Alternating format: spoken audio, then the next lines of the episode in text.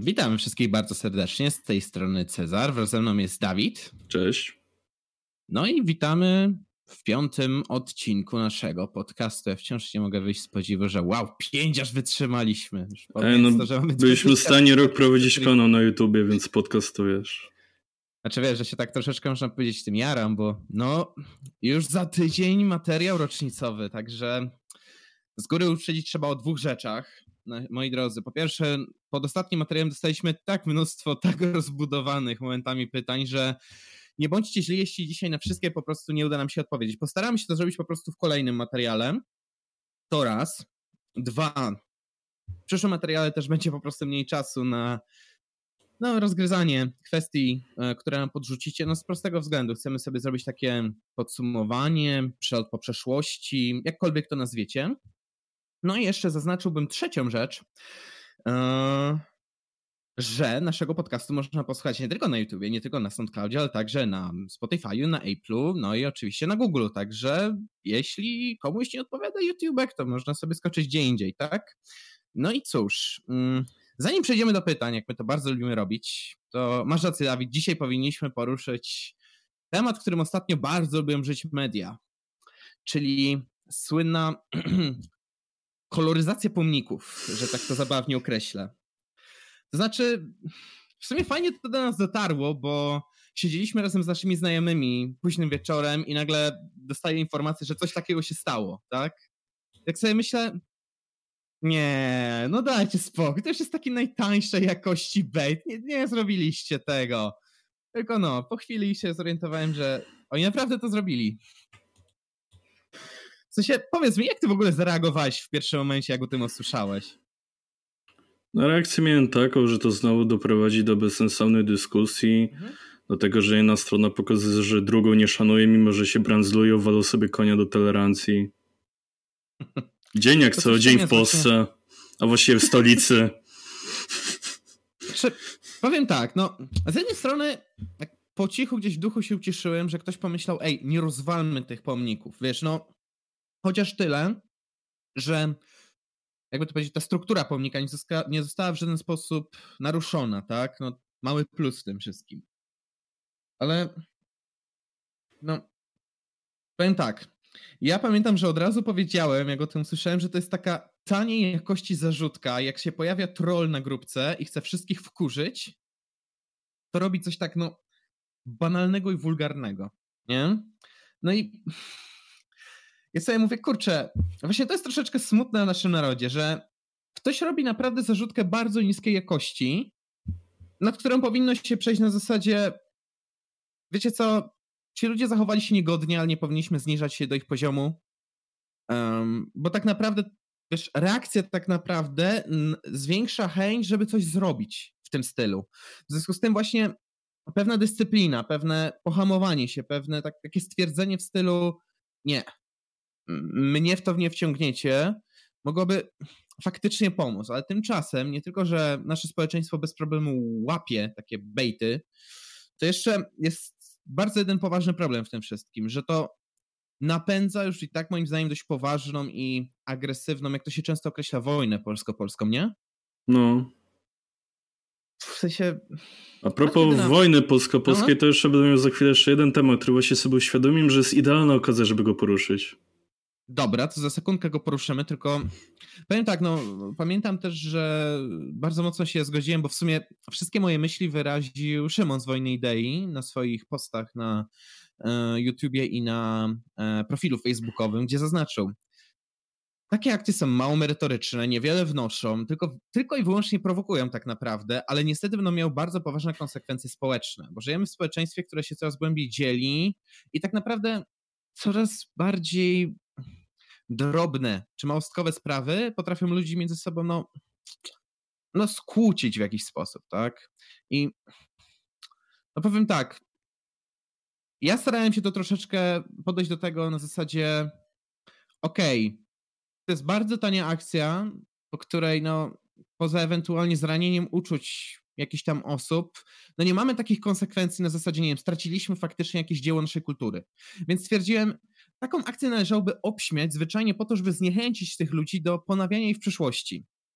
Niestety niewielu się chyba ze mną zgodziło, tak? I media czy różne społeczności zaczęły, no, tak naprawdę nakręcać dalszą spiralę nienawiści na tym, co się stało. Nie mówię, że nie należałoby tego skrytykować, ale zachować przy tym jakiś taką, wiesz, albo przynajmniej chłodno kalkulować, nie emocjonować się tym, tylko powiedzieć, że to było obiektywnie złe, tak, i że to było bardzo tanie, um, nic nie wnoszące, albo ewentualnie, no, ja mówię, to jest taka metoda na trole w internecie, na zasadzie nie reaguj, to wręcz ich zniechęcić, bo oni właściwie trochę żyją z tego, że ktoś reaguje właśnie. Dla nich naprawdę ta akcja to nie jest taka zabawa, co to, co, to jak później użytkownicy na to zareagują, jak się odniosą, prawda? No znaczy, moim zdaniem obśmianie tego też byłoby dobre, no bo to było po prostu dziecinne, do tak jakby, wiesz, dzieciaki na Halloween, mhm. jak nie dostaną cukierka, to obrzucą czyjś dom jajkami, nie? Albo no, papierem toaletowym. Po prostu zwykła dziecina, zabawa i obśmianie tego i po, położenie tego w absurd, że nic bardziej ambitnego mhm. nie byli w stanie zrobić, to chyba było najlepsze, co mogłoby się wydarzyć. Właśnie, wyobraź sobie, że w ogóle jakiś taki, wiesz... E, wyobraź sobie Krzysz, właśnie Krzysztofa Bosaka, właśnie, który po prostu właśnie. kręci Uber Szyderę z tego, nie? A nie, że się spina i makija w dupie. Tak, no. właśnie wchodzi tam, nie wiem, właśnie Mencen albo... albo, albo tak, wchodzi Mencen i mówi XD. Ja nie mogę. Dokładnie. To, to, to jest najlepsza reakcja, jaką można było teraz zrobić. Filozofia XD naprawdę by tutaj zadziałała cuda. Ci ludzie naprawdę nie mieliby czym grać na zasadzie, no Właściwie jakby Mencen to zrobić, to cały internet mógłby reagować po prostu XD na to wszystko, tak? Jakieś no. grupki lewicowe czy coś, nie wiem, ludzie by się rzucali, że nie, walczymy tutaj coś poważnego, a ktoś po prostu stwierdza XD i od razu dzień się staje przyjemniejszy, tak? XD jest naprawdę pieśnią życia. Dobra, już, już, już, bo, bo poniosła mnie już. Spokojnie, Czarek, piwo z Mencenem dopiero za tydzień. tak, wreszcie, wreszcie będzie w Toruniu, tak. No. Może uda się troszkę z nim pogadać. Panie Mencen, potrzebujemy więcej filozofii XD w mediach, tak? Ej, wyobraź sobie, że Mencen znowu hmm. startuje na burmistrza Torunia i hasłem wyborczym jest XD. Znaczy prezydenta. E, tak, tak prezydenta. sorry. Ale tak, tak, tak, tak. Proszę Państwa, miałem Wam coś obiecać. Miałem Wam coś zaproponować. Ale kiedy popatrzyłem na oferty moich kontrkandydatów, to stwierdziłem sobie XD. XD. Jezu. Szczerze, no, no wi wi wiadomo, to starszych nie przekona, ale to by była prawdopodobnie kampania, o której młodzi mówiliby nawet wtedy, kiedy by się stali starszy. Tak. Kampania jest stara i to dziecko jest stare. Dobra, już już nie nawiązujemy do dema, ale powiedz mi ten drugi temat, który ci przyszedł do głowy. Co to jest? Jestem no, ciekaw. Dzisiaj jest 1 sierpnia. To pomyśl o czym mogę, mógłbym chcieć wspomnieć. Właśnie, gdy to nagrywamy z 1 sierpnia, usłyszycie to drugiego, czyli z naszej perspektywy jutro. Dzisiaj jest znowu powstanie warszawskie. Polacy znowu będą niezwykle świętować to, że są jebanymi przegrywami, bo tak inaczej się nie da nazwać z perspektywy historycznej. Znaczy, Właśnie, bo ja zawsze podchodziłem do tej kwestii tak z dwóch perspektyw, wiesz, z perspektywy przeciętnego szarego człowieka, który znalazł się w oku cyklonu i z perspektywy ludzi, którzy byli faktycznymi decydentami. Ja zawsze zgadzałem się z osobami, które twierdziły, że ciężko obwiniać czy nie współczuć tym zwykłym ludziom. To znaczy, znaczy pewnie, ja nie mam pretensji no jakby właśnie. do zwykłych ludzi, czy nawet powstańców takich mm -hmm. najzwyklejszych, bo oczywiście oni to robili w imię jakichś wyższych zasad i jakiejś nadziei. Wartości. Mhm, tak, e, ale boli mnie to, że z perspektywy historii, nawet jak są historia w szkole, to przez lata mhm. uczy nas się właśnie tego, uczy się o powstaniach głównie tych, które przegraliśmy. I tak, w efekcie mówi się, tak, mhm. Polacy to jest wielki naród, zawsze stanie do walki, ale zawsze dostanie poryją, za każdym jebanym razem. O powstaniu wielkopolskim no. dowiedziałem się z wykopu, nie z historii w szkole. No właśnie to jest takie przykre, bo wiesz, no to co mówisz, ktoś mógłby odebrać jako, nie wiem, atak na świętości pewne, ale właśnie te, w tych twoich brutalnych słowach kryje się jednak takie bardzo gorzkie ziarenko prawdy, że uczenie nas takich romantycznych postaw, tak, że, nie wiem, Mickiewicz wielkim poetą był i potem go naśladowaliśmy przez lata kolejnymi powstaniami, które niewiele wnosiły albo nie miały po prostu szans powodzenia. Zapominanie o naszych triumfach, zapominanie o takim, no, jakby to powiedzieć, o przywódcach czy osobach, które dzięki właśnie stosowaniu bardziej takiej rygorystycznej, takiej bardziej zdroworozsądkowej polityki, no zapominamy o tym, że to nas tak naprawdę prowadziło do czasów, gdzie nam się żyło najlepiej, kiedy byliśmy autentyczną potęgą. No znaczy, co jest lepsze? Hmm, czy właśnie podejmowanie się takich pustych aktów, które sprawiają, że potem nie możemy się z nich podnieść przez lata i lata, czy może jednak pewne zdyscyplinowanie się, budowanie potencjału naszego narodu, a następnie korzystanie z tego, ile wlezie, tak, mm, w czasach, kiedy no, najbardziej korzystnym byłoby się zbuntować, tak? Bo na przykład powstanie wielkopolskie, powiem szczerze, to właśnie było trochę takie powstanie, które dobrze skalkulowano. Popatrz, Niemcy dosłownie dostali tak pod tyłku przez wojnę i byli tak strasznie przez to osłabieni i byli tak strasznie wewnętrznie zdestabilizowani, nie było po prostu lepszego momentu, żeby wtedy no, wszcząć takie powstanie, tak? W sensie to był idealny moment, to było dobrze skalkulowane. Zresztą jak się zastanowimy nad jakimiś takimi wielkimi zwycięstwami Polaków z przyszłości, no może poza tam jedną czy dwoma bitwami, które wygraliśmy tak trochę fartem, bo zaskoczyliśmy przeciwnika czy coś, to też to była często właśnie kwestia przygotowania, wieloletnich mm, starań się o to, aby, mm, aby ostatecznie złamać jakąś potęgę, która nam zagraża. To znaczy, na przykład zastanówmy się chwilkę nad bitwą pod Grunwaldem. To znaczy, nie wygraliśmy jej tylko dlatego, że, no nie wiem, w jednej bitwie byliśmy lepsi. Jak się przyjrzeć temu historycznie, to tak naprawdę z Krzyżakami mieliśmy problem no od momentu, kiedy Konrad Mazowiecki ich sprowadził do Polski, tak? Czyli innymi słowy, Polska musiała się jednoczyć i umacniać przez okres no, 150 lat. Musiała pracować na przykład nad polepszaniem stosunków z Litwą i zbliżaniem się powoli do siebie naszych narodów. I musieliśmy, tak naprawdę po drodze toczyliśmy wiele takich drobniejszych wojen, z krzyżakami, które powoli, powoli niszczyły ich potęgę. Dodatkowo jeszcze niewiele się mówi na przykład o historii, na, histori- na lekcjach historii o tym, że my tak naprawdę jeszcze wtedy odegraliśmy prawdopodobnie lepszą, e, jedną z lepszych akcji dyplomatycznych w naszej historii, bo krzyżacy jako zakon mieli ogromne chody u papieża, który bądźmy szczery, on raczej im sprzyjał, tak? Tymczasem właśnie nasza dyplomacja, prawnicy musieli po pierwsze stać się lepsi, a po drugie naprawdę długo że tak powiem, rzeźbić e, kamień niczym woda, żeby ostatecznie wyszło na nasze. Tylko, no znowu, nie uczy się o tym, tak? Nie uczy się o tym, że to zwycięstwo pod Grunwaldem to była taka wisienka na ogromnym torcie, który budowaliśmy przez ponad, w sumie przez niemal dwa wieki, tak? Także to, to, to, to mnie boli, bo romantyczne podejście do pewnych kwestii sprawia, że zapominamy o tym, że trzeba do sukcesów pracować długo. Można powiedzieć, że w pewnym sensie takie myślenie o tym, że, że, że takie kultywowanie właśnie przegranych, jak mówisz, to jest takie troszeczkę, jakby to przenieść na język ekonomiczny, zwiększanie naszej preferencji czasowej, że musimy wygrać już teraz, musimy walczyć już teraz. Nigdy nie umiemy złapać oddechu, ochłodzić trochę emocji i powiedzieć nie. Musimy czekać na moment, w którym będziemy pewni. Tak? Na przykład w Powstaniu Warszawskim, no, wielu to zaznacza, ogromnym problemem było to, że mm, nasi dowódcy podjęli właśnie zbyt pochopną decyzję. Zaufali Rosjanom, podczas gdy nie mieli tak naprawdę pewności, że no, pomogą im, no bo wiadomo, no, Stalin nie jest raczej znany z pomagania innym, tak? No. Jak to tak? Przecież Rosjanie mówią, że nas oswobodzali. Ale a widzisz, a widzisz, Dlaczego teraz tak mówią? Popatrz, lata pracy nad mentalnością tych Rosjan, dzięki czemu teraz Putin ma taką łatwość w prowadzeniu, w prowadzeniu swojej polityki historycznej, tak? No i u nas Duda i PiS. Tylko właśnie mówię, no... E, no dobra, może to jest taki negatywny przykład, bo to pomaga tylko władzy, tak? No ale kurczę, naprawdę chciałbym, chciałbym, żebyśmy troszeczkę ostudzili te takie romantyczne zapędy z przeszłości. Żebyśmy wreszcie na przykład zrozumieli, że Wiecie, to, że Mickiewicz pisał ku pokrzepieniu serca, to nie znaczy, że pisał oświeconą prawdę, tak? On tylko pisał po, ku, pokrzepi, ku pokrzepieniu serc, plus jest jeszcze jeden ważny powód, który nasza wspólna znajoma niedawno mi uświadomiła. Mickiewicz po prostu nie chciał wyjść na tego, który spieprzył za granicę, tak? W momencie, kiedy tam się coś dzieje.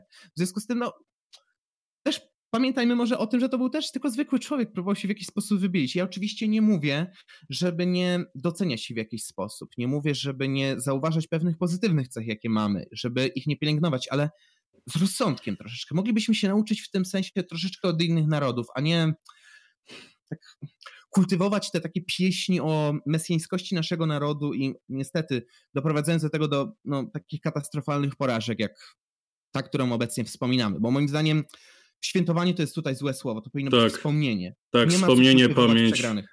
Tak, tak, tak.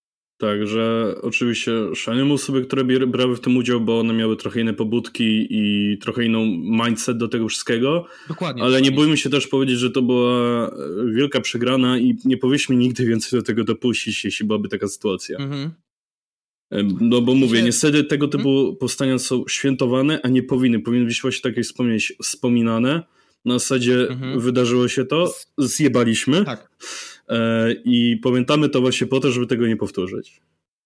Powinniśmy to wspominać z bólem i rozwagą, taką roztropnością na zasadzie, to jest powinna być nauczka dla kolejnych pokoleń. Czasem no, nie bardzo jest i to jest problem. Ale no wiesz, właśnie dlatego trzeba mocno podkreślić, że należy zrozumieć i docenić te osoby, które były w tym okiec, oku cyklonu, no bo faktycznie jak tak spojrzysz z perspektywy takiego przeciętnego Polaka z Warszawy z tamtych czasów, no dosłownie Warszawa była w tamtym momencie okupowana już piąty rok, tak? No już zbliżał się ten piąty rok. Em, wiesz, ci ludzie widzieli, jak wywożą ich bliskich, żeby ich gdzieś zakatować albo rozstrzelać. Widzieli terror, widzieli, no, naprawdę okropieństwa wojny, tak? Bo nie ukrywajmy, Niemcy w tamtym okresie byli naprawdę bestialscy, szczególnie, wiesz, kiedy pacyfikowali ludność konkretnych krajów. Więc jasne, rozumiem tych ludzi, ale odpowiedzialny przywódca czy dowódca pomimo takich emocji powinien maksymalnie starać się pohamować mm, takie emocje, starać się uświadomić tym ludziom, że nie powinni walczyć tylko dlatego, że czują taką potrzebę, ale też dlatego, że to się może faktycznie udać. Znaczy, to jest bardzo trudna rola dla takiego przywódcy, ale musi stać się niejako takim sumieniem, czy też zdrowym rozsądkiem takiego narodu. To znaczy, tak jakby naród to są tak jakby emocje w człowieku. Tymczasem głowa nad tymi emocjami musi zapanować, a nie pozwolić im się ponieść. Prawda? No tak. Nie wiem, co to jest więcej do dodania.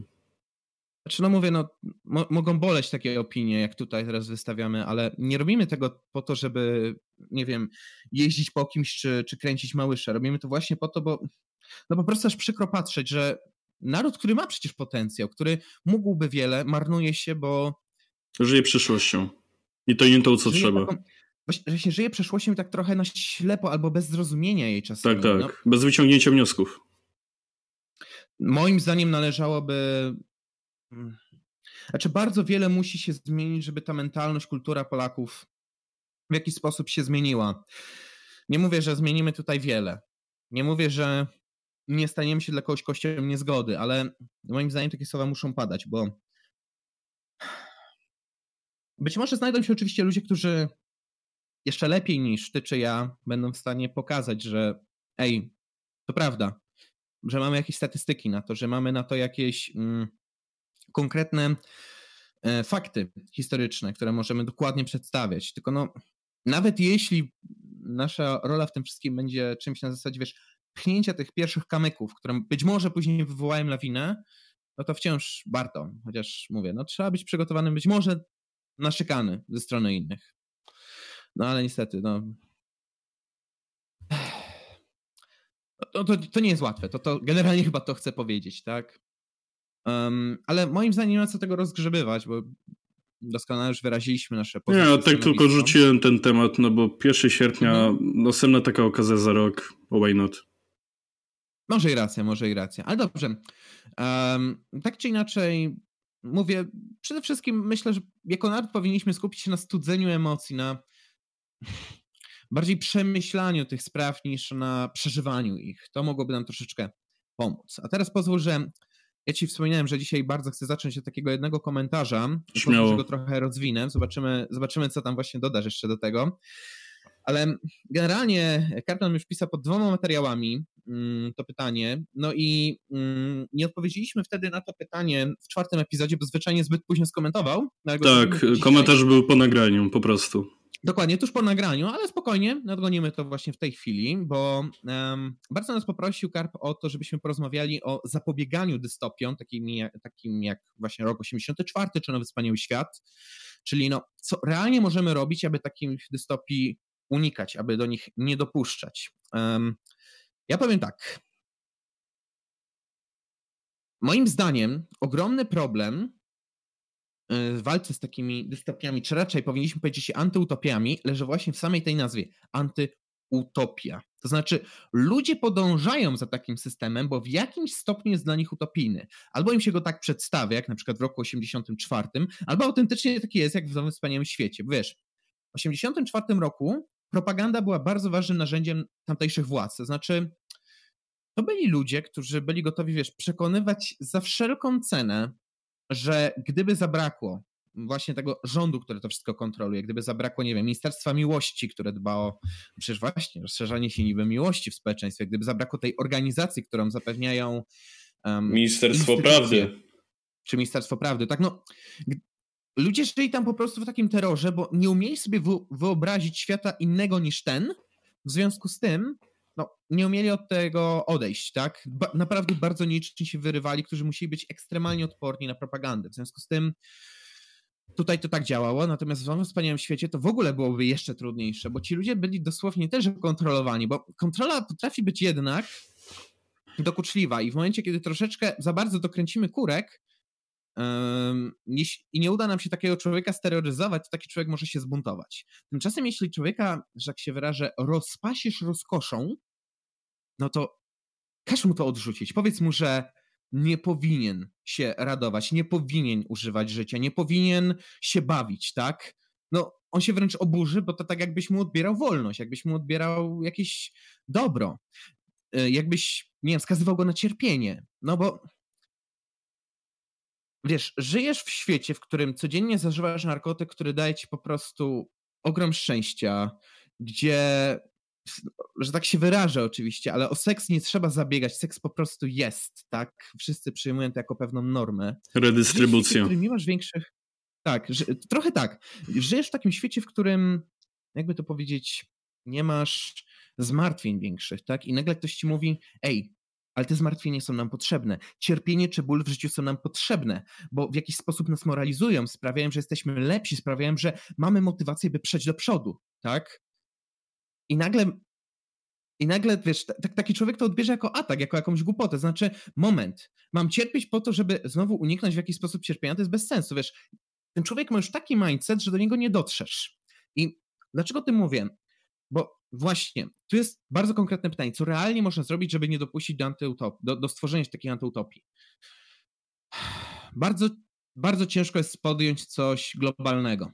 Znaczy, no rządom, rządom czy przywódcom właśnie troszeczkę zwykle zależy, żeby ludzie no, byli tacy, byli tacy, tacy podatni na to, że albo ich steroryzują, albo, że tak powiem, ich przekupią radością i szczęściem.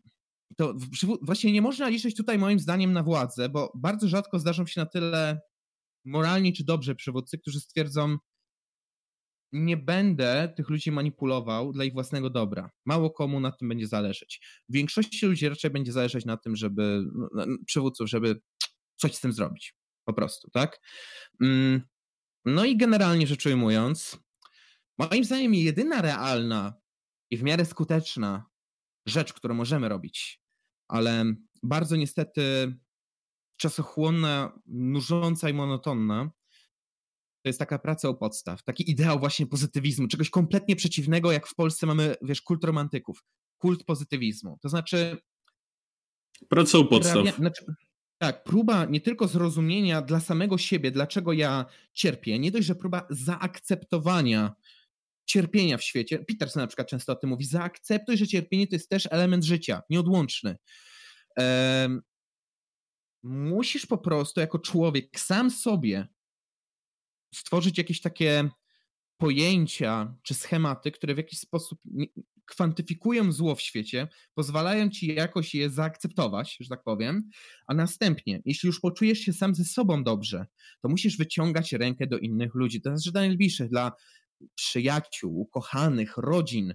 I nie możesz tego robić nachalnie, musisz to zrobić delikatnie i spokojnie, ale i cierpliwie często. Dlatego mówię, to jest mozolna, ciężka robota. Uświadomić człowiekowi, że jego cierpienie pomimo że może być naprawdę niewyobrażalne, prowadzić do ogromnych katastrof, to jednak mimo wszystko element życia, że musi nauczyć się jakoś sobie z tym radzić. To wiesz, myślę, że wielu pacjentów, którzy leczą się z jakichś tam problemów czy traum psychicznych, tak szczególnie, o żołnierze są tu świetnym przykładem.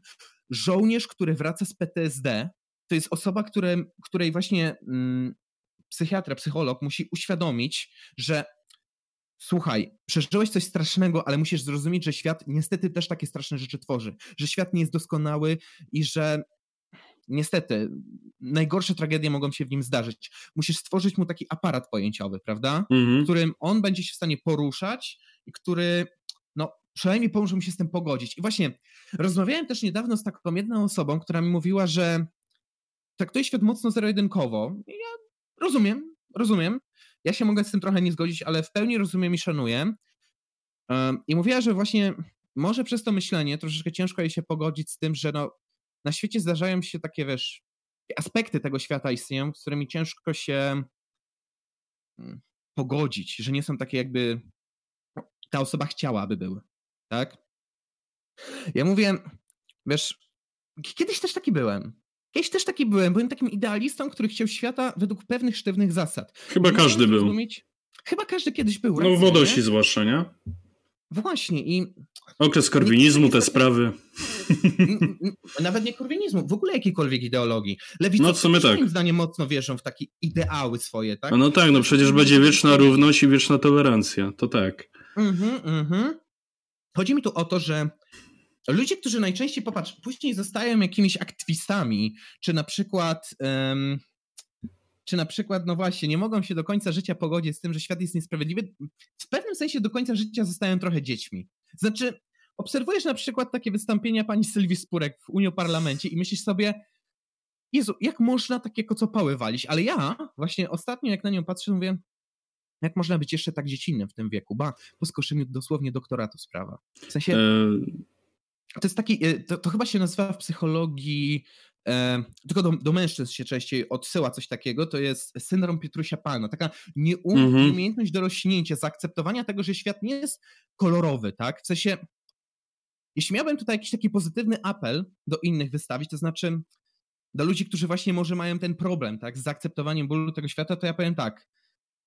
Świat jest brutalny, zły i naprawdę taki, rzekłbym, momentami wydaje nam się wręcz wypalony przez to zło, taki trochę nie do zaakceptowania wręcz. O. Ale są jednak w tym świecie też rzeczy, o które warto walczyć, dla których jednak żyjemy, dla których warto wziąć trochę tego wiatru w żagle i płynąć dalej, tak? Są przyjaciele, którzy, z którymi jeśli tylko będziemy otwarci i szczerzy, to też się otworzą, też będą szczerzy, też nam pomogą i spędzimy z nimi świetny czas. Są być może osoby, w których się zakochamy, z którymi też, no właśnie, spędzimy czas, w którym będziemy się czuli właśnie bezpiecznie, jakbyśmy byli choć przez chwilę w tym idealnym świecie. Znajdą się być może jakieś idee czy zadania, które sprawią, że zostawimy po sobie, po sobie jakiś drobny ślad. Być może mm, pojawią się rzeczy, które dla innych będą kompletnie absurdalne, ale dla nas będą gotowe, wiesz, ścigania ich tak jak często słyszę od muzyków, że tak, żeby zostać muzykiem, musisz iść trochę wbrew wszystkim. Ale jak już to zrobisz, nawet nie osiągniesz wielkiego sukcesu, czujesz po prostu z siebie dumę. I to jest chyba moim zdaniem główna broń przeciwko antyutopii. To znaczy, po pierwsze, zrozumieć, że świat jest zły, po drugie, to zaakceptować, a po trzecie, znaleźć rzeczy, które sprawiają, że pomimo niedoskonałości tego, tego świata, chce się w nim trwać chce się te cierpienia przeżywać, żeby dojść do lepszych rzeczy, żeby choć troszeczkę sprawić, aby ten świat stał się lepszy. Bo jeśli wszyscy byśmy próbowali, żeby nasz kolejny dzień, czy kolejne działanie było trochę lepsze od tego poprzedniego, wierzę, że twórcom takich sztucznych utopii, takich antyutopii, byłoby o wiele, o wiele trudniej takie społeczeństwo no, zbałamucić. Albo zmanipulować terrorem, albo zmanipulować szczęściem. Już, już skończyłem monolog, wybacz, bo wiem, że to troszeczkę mi zajęło. Odnieś się teraz też. Nie wiem, czy jest tutaj coś do dodania. No, masz rację, no. Po prostu musimy się starać być lepszymi. Zabrzmi jak coach. Tak. Musimy się starać być lepszą wersją samego ciebie, siebie. Tak, tak, ale no właśnie, no, mówię, ja się mogę z Petersonem na przykład w wielu rzeczach nie zgadzać, ale uważam, że to jest jedna z najmądrzejszych rzeczy, jakie powiedział. Niby prosta, nie? Po prostu bądź lepszy.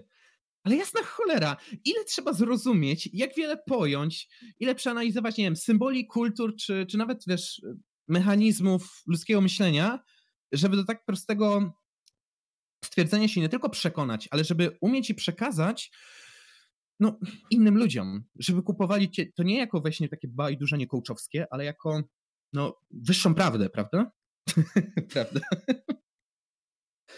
No ale tak. Także Karpiu, pracuj nad sobą, otwieraj się na znajomych, bliskich i staraj się po prostu, no wiesz, zmienić ten świat odrobinkę. Jak to mówił Zoltan Chiwej w, w, e, w Sadze Wiedźmińskiej. Świata nie zbawisz, ale najbliższym osobom możesz pomóc, tak? I tak. to już sprawi, że ten świat będzie trochę lepszy. A tutaj pozwolę sobie krótko zacytować no? Michała Szafrańskiego. Pamiętaj, jesteś sumą e, doświadczeń pięciu osób najbliższych, o. którymi się otaczasz, więc wybieraj te osoby dobrze. Dokładnie. Trzymaj się z tymi, którzy naprawdę sprawiają, że jesteś każdego dnia trochę lepszym człowiekiem, tak? Um, I pamiętaj, że, że te osoby po prostu w jakiś sposób cię mogą ubogacić. No to, I ty, ty ich też. Prawda. Właśnie. I taka niby prosta prawda, nie? Ale cholera, jak ona potrafi podnieść na duchu, jak już się to tak w pełni pojmie.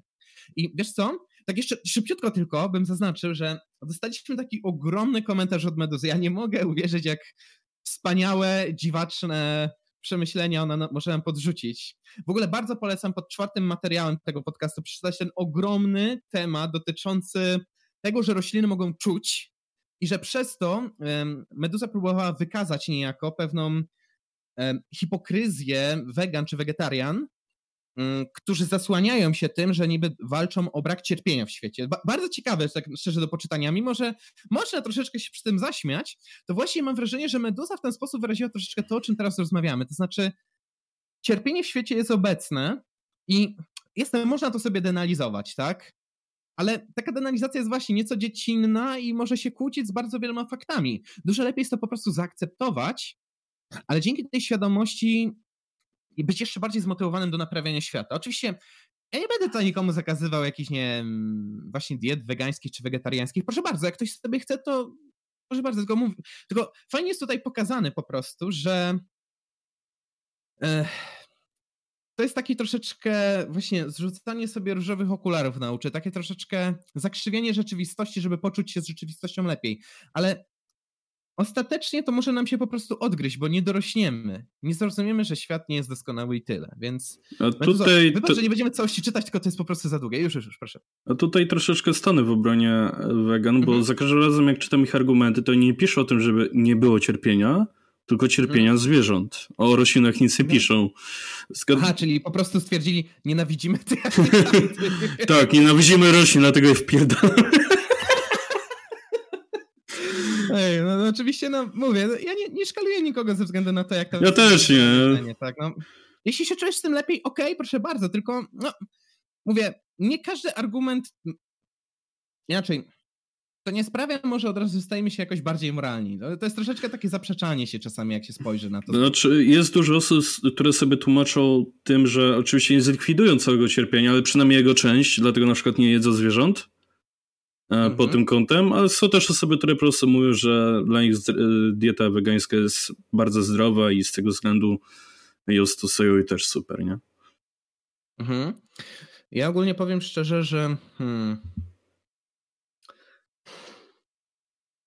znaczy są pewne sytuacje, w których ja na przykład bym wegan czy wegetarian trochę poparł, na przykład no Wiem, że jak osoby jakieś tam przechodzą na dietę, to właśnie im się sugeruje, żeby przechodziły na dietę bardziej właśnie oparte o warzywa, tak? Znaczy, nie należy odrzucać, nie wiem, czy, czy nawet odrobiny węglowodanów. Lekarze zalecają właśnie, żeby w takich dietach odchudzających jednak odrobina węglowodanów była dla zdrowia i dla yy, poprawienia wydajności układu trawiennego, ale no właśnie, no jednak trzeba troszeczkę do tych warzywek się wtedy uśmiechać, żeby jakoś tam nad sobą pracować, nad swoim sylwetką. Także to nie to, że te diety są obiektywnie złe, tylko może ten argument moralny jest taki trochę nietrafiony, powiedzmy? No, mniej więcej, tak? I w ogóle, raz jeszcze zachęcam do przeczytania tej rozkminy tam, bo pod tym czwartym materiałem przysięgam, że dostaliśmy chyba jeden z najlepszych przykładów e, tego, o czym rozmawialiśmy ostatnio, czyli kolektywnego autyzmu. I jak ja się cieszę, że ten podcast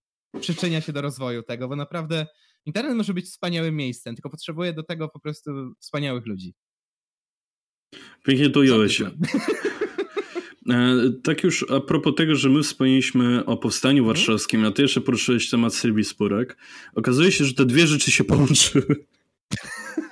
Chyba wiem, o czym chcesz powiedzieć. Pozwól, że przeczytam tweeta, Dawaj. który się pojawi od pani Sylwii Spurek. Uwaga, czytam.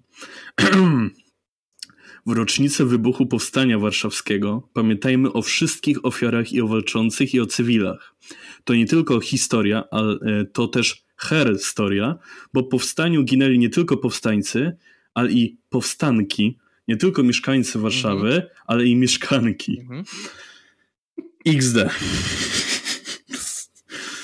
Czy to jest właśnie takie, nie wiem, no, niepotrzebne moim zdaniem, pchanie takiego, nie wiem, dziwacznego aparatu pojęciowego, połączone jeszcze z takim, no... Właśnie, pani Sylwia Spurek, jak wspomniałem, to jest taka osoba, która, no, jak ja na nią patrzę, to wydaje mi się po prostu dzieckiem, które nie umie dojrzeć do powiedzenia, że okej, okay, ten świat nie jest doskonały, a ja nie zawsze mam rację. Ona zawsze próbuje jakby przepchnąć to, taką agendę, że ona ma rację i ona nie rozumie, czemu świat się z niej śmieje. Ja nie mówię, że większość ma zawsze rację, bo takie myślenie też jest błędne, ale jeśli człowiek nie ma takiego, wiesz, mechanizmu, który mu powie, ej, ziom, bo wiesz, wszyscy dosłownie z ciebie brechtają, być może coś jest nie tak i powinieneś nad sobą pomyśleć. Jeśli człowiek nie ma takiego odruchu, no to chyba tym gorzej dla tego człowieka, nie? Bo ten człowiek po prostu będzie w niekończącej się pętli takiej do zatracenia i nie będzie umiał się z niej wyrwać, bo, bo nie jest świadom po prostu, że no, no robi coś nieodpowiedniego, głupiego, albo po prostu no, rzuca jakiś kocopą, tak? No, i poza tym, e, nie wiem na jakiej podstawie pani Sylwia wyciągnęła wniosek, że jeśli mówimy o powstańcach, to mówimy tylko i wyłącznie o mężczyznach. Niejednokrotnie było podkreślane, że w tym też brały udział kobiety. Dużo chyba e, pań mhm. powstańczyniek, nie wiem jak to odmienić, brało udział. Brzmi? Tak, brały udział w powstaniu i niejednokrotnie się wypowiadały w jakichś telewizjach, wywiadach w internecie i tak dalej, mhm. więc hello, my o tym wiemy, nie trzeba nam tego w tak głupi sposób uświadamiać. Właśnie, to, to, jest troszeczkę taki powrót tego tematu, który parę miesięcy temu tak eksplodował, czyli tych e, żeńskich końcówek. To znaczy. Feminatywy. Ja prostu, feminatyw, dokładnie. W sensie, ja do tego podchodzę tak. Ja pamiętam, że w tym konflikcie w ogóle nie uczestniczyłem, bo konflikt właśnie, w Polsce się wszystkie konflikty automatycznie polaryzują. Na zasadzie albo jesteś kompletnie za, albo kompletnie przeciw. A ja właśnie starałem się stać tak po środku na zasadzie Język to jest żywy organizm. Być może w przyszłości używaliśmy więcej feminatyw, bo tam niektórzy to zaznaczali, ale to nie oznacza, że nie nastąpiła pewna ewolucja w innym kierunku, że teraz odchudziliśmy nasz język.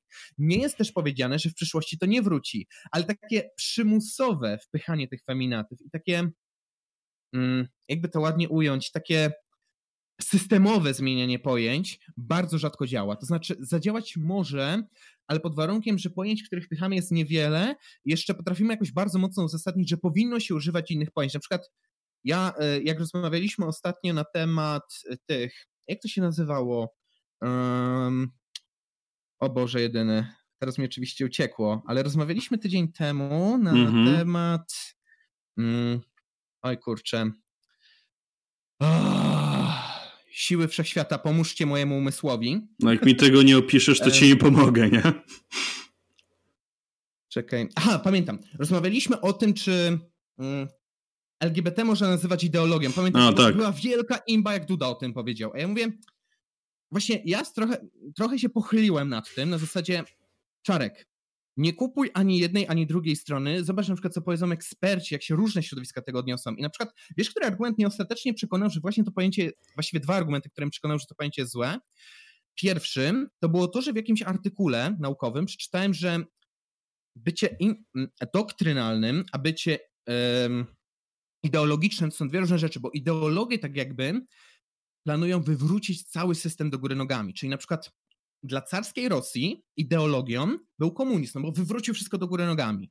Tak samo jak nie wiem, kapitalizm może być ideologią, bo wywrócił całą komunistyczną Rosję do góry nogami. Ja czy trochę wywrócił. Pamiętajmy, że to wciąż Rosja. Ale mm, doktrynalne zmiany, czy jakieś aktywistyczne zmiany, to raczej takie zmiany wąskie, które zmieniają jakiś tam wycinek prawa, ale nie wywrócą tego prawa do góry nogami. Więc właśnie o LGBT powinno się mówić, że to jest, nie wiem, środowisko albo aktywiści, bo ideologicznie jest nawet niepoprawne z punktu widzenia e, z punktu widzenia jakichś tam nauk politycznych. I jeszcze drugi argument. Jak grałem ostatnio w Heroesy z Szymonem, to on zaznaczył, że to jest po prostu trudne do sprzedania. Tak zwyczajnie po prostu marketingowo się to nie sprawdzi. Znaczy, tak, zwłaszcza za granicą. Tak, jak przetłumaczysz ideologię na ideology po angielsku, to nie będą twierdzili, no nie, no tam systemowo ich zwalczają chyba, nie? No bo tak to też rozumie przeciętny Brytol, czy, czy Amerykanin, czy ktokolwiek inny, tak? Bo pamiętajmy jeszcze, że najczęściej artykuły w zachodnich gazetach są najpierw tłumaczone na angielski, a później z angielskiego dopiero na, nie wiem, tam jakiś francuski, niemiecki, coś takiego, więc to jest zwyczajnie marketingowo głupie i tyle. Tak samo jak na przykład strefy wolne od GBT, to, to jest też to, to jest tak głupie z, z, punktu widzenia nawet marketingowego. To jest ciężko sprzedać. Tak? No i teraz Unia zaczęła odcinać pieniądze tym miastom. No właśnie. Także ja powiem ci tak. Po prostu, właśnie tutaj znowu się sprawdza taka myśl. Nie unośmy się tym, zachowajmy zdrowy rozsądek, a nie takie romantyczne, emocjonalne uniesienia i posłuchajmy, co mają wszyscy do powiedzenia, szczególnie zaś eksperci, i wypracujmy sobie jakąś może bardziej wypośrodkowaną opinię. Nie mówię, że zawsze taka będzie, bo czasami możemy na przykład stwierdzić, że tak, ja mam pewne, że pewien argument przekonał mnie mocniej do konkretnej strony, ale zauważyłem, że jednak w dorosłym życiu najczęściej, jak już tak naprawdę spokojnie się nad tym pochylisz, odemocjonujesz się, że tak się wyrażę, najczęściej jednak zostajesz gdzieś tam bliżej tego centrum spektrum. Brzmi jak symetrysta, ale mnie zjadą niektórzy. to wiesz co, może odejdźmy od takich ciężkich, te... znaczy właśnie, kontynuujmy, przepraszam, temat symetryzmu. Ja zadam takie pytanie, które nam postawił pan Paweł Pikuła. Mówicie, że wskazana jest minimalizacja interwencji rządu w ekonomię. Czy waszym zdaniem, a jeśli tak, to jakie przypadki, e, znaczy jakiś błąd składnie, ale to nieważne, jakie są przypadki, kiedy interwencja może mieć charakter pozytywny albo jest wskazana? Bardzo ciekawe pytanie, bo no właśnie, AKAP miał taki paleolibertarianin, sojusznik wolnego rynku. No i właśnie, czy my możemy się przyznać sami przed sobą, że istnieją sytuacje, kiedy interwencja jest wskazana? I znowu tak sobie zaśmieszkuję. Tak. Wystarczy, nie? Nie no, w sumie dobrym przykładem był ten, gdy robiłeś e, na, Discordzie tą prezentację na temat kryzysu, gdzie wspomniałeś, e, że jeden z kryzysów mhm. Ameryki po prostu bardzo szybko minął, ponieważ interwencja państwa polegała na tym, że odchudzono budżet państwa po prostu. Właśnie, to była... Zmniejszono zamordyzm. Tak, to był taki zapomniany kryzys roku 1920, w którym to Ameryka wpadła w kryzys, bo nagle kompletnie przestawiła swoją produkcję przemysłową. To znaczy, musiała przestać produkować amunicję, broni, czołgi i nagle przerzucić się na produkcję cywilną. Tylko to się wiązało z takimi. Mm, taką tymczasową nierównowagą, o tak to się określa. To znaczy, wiesz, w idealnym systemie to ci ludzie na przykład automatycznie mogliby przejść, nie wiem, z fabryki amunicji do fabryki butów, tak? Ale w rzeczywistości trzeba takich ludzi zwolnić, Następnie trzeba takich ludzi hmm, może jakoś przeszkolić, jeśli to jest potrzebne. Fabryka amunicji musi być rozebrana albo inaczej, chociaż przynajmniej przeprojektowana, żeby produkować tak. inne dobro. I dopiero wtedy można tych ludzi nowo zatrudnić i wiesz, puścić w obieg. I właśnie wtedy gospodarka strasznie spowolniła, no bo skoczyło bezrobocie. To było całkiem naturalne, nie? Ale Ówczesny prezydent, który o dziwo przez Amerykanów w wielu statystykach, w takich, takich rankingach jest uznawany za jednego z najgorszych, bo właśnie mówili, on nic nie zrobił. On zrobił w sumie dwie rzeczy. Po pierwsze, powiedział, żeby nie interweniować, za bardzo przynajmniej, ewentualnie jakoś bardzo lokalnie, jeśli było to uzasadnione. Pamiętajmy, Ameryka to jednak jest też ustrój federalny, więc tam lokalne władze mają trochę większe prerogatywy. Ale druga, dużo ważniejsza rzecz, stwierdził, że nie zrobi tego tak, jak większość krajów to robi dzisiaj, czyli po prostu właduje kasę, żeby nie wiem, zadowolić ludzi, czy zwiększyć sobie poparcie na następnym wyborem on właśnie no, nie myślał w, w kategoriach polityka, tylko bardziej w kategoriach ekonomisty i odchudził straszliwie budżet amerykański. Była jedyny przypadek w historii Ameryki, gdzie prezydent odchudził wydatki sektora rządowego o połowę. I co się okazało? Po roku gospodarka hmm, zaczęła się naprawiać, a po dwóch zaczęła tak szybko się rozkręcać, że Ameryka miała okres największej prosperity w, hmm, no, jak do tego momentu, tak?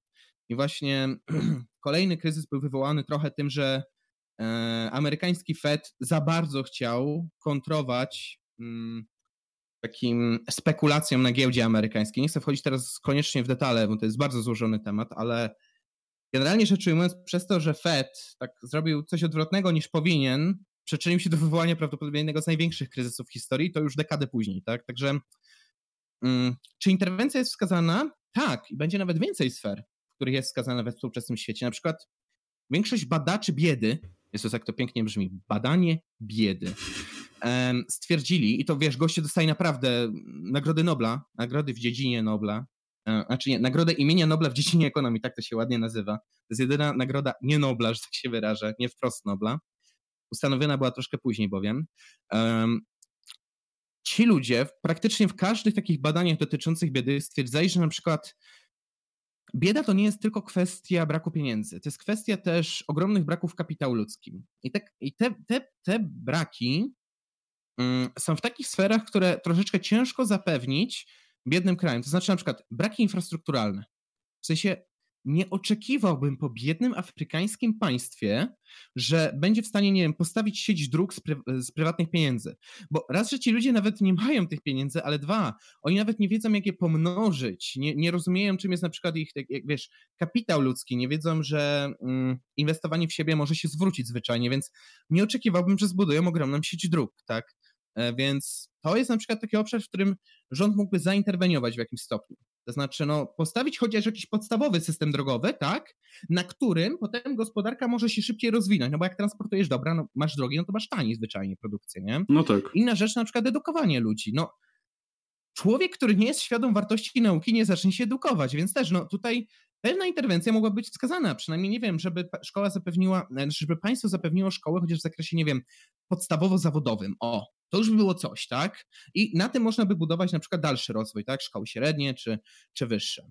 Um, inny przykład to na przykład opieka zdrowotna. W sensie, ja naprawdę mówię, są poważne patologie w takich rozbuchanych systemach zdrowotnych, którym będę protestował.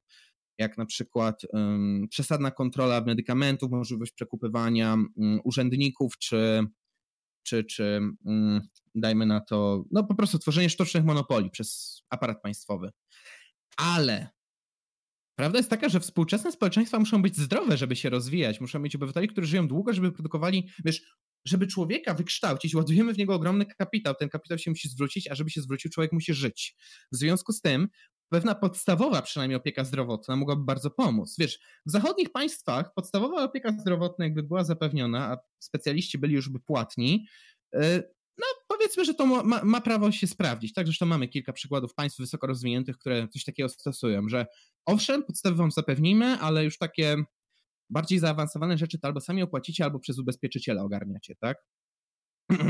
ale wyobraź sobie, że w takiej biednej właśnie no, w Afryce, nie wiem, Ameryce Południowej, czy nie wiem, w niektórych państwach azjatyckich, głupie wprowadzenie, nie wiem, jakichś szczepień, czy nie wiem, lekarzy pierwszego kontaktu, którzy mogą, nie wiem, przepisać ci jakiś prosty medykament, nie wiem, na kaszel, gorączkę, cokolwiek, tak?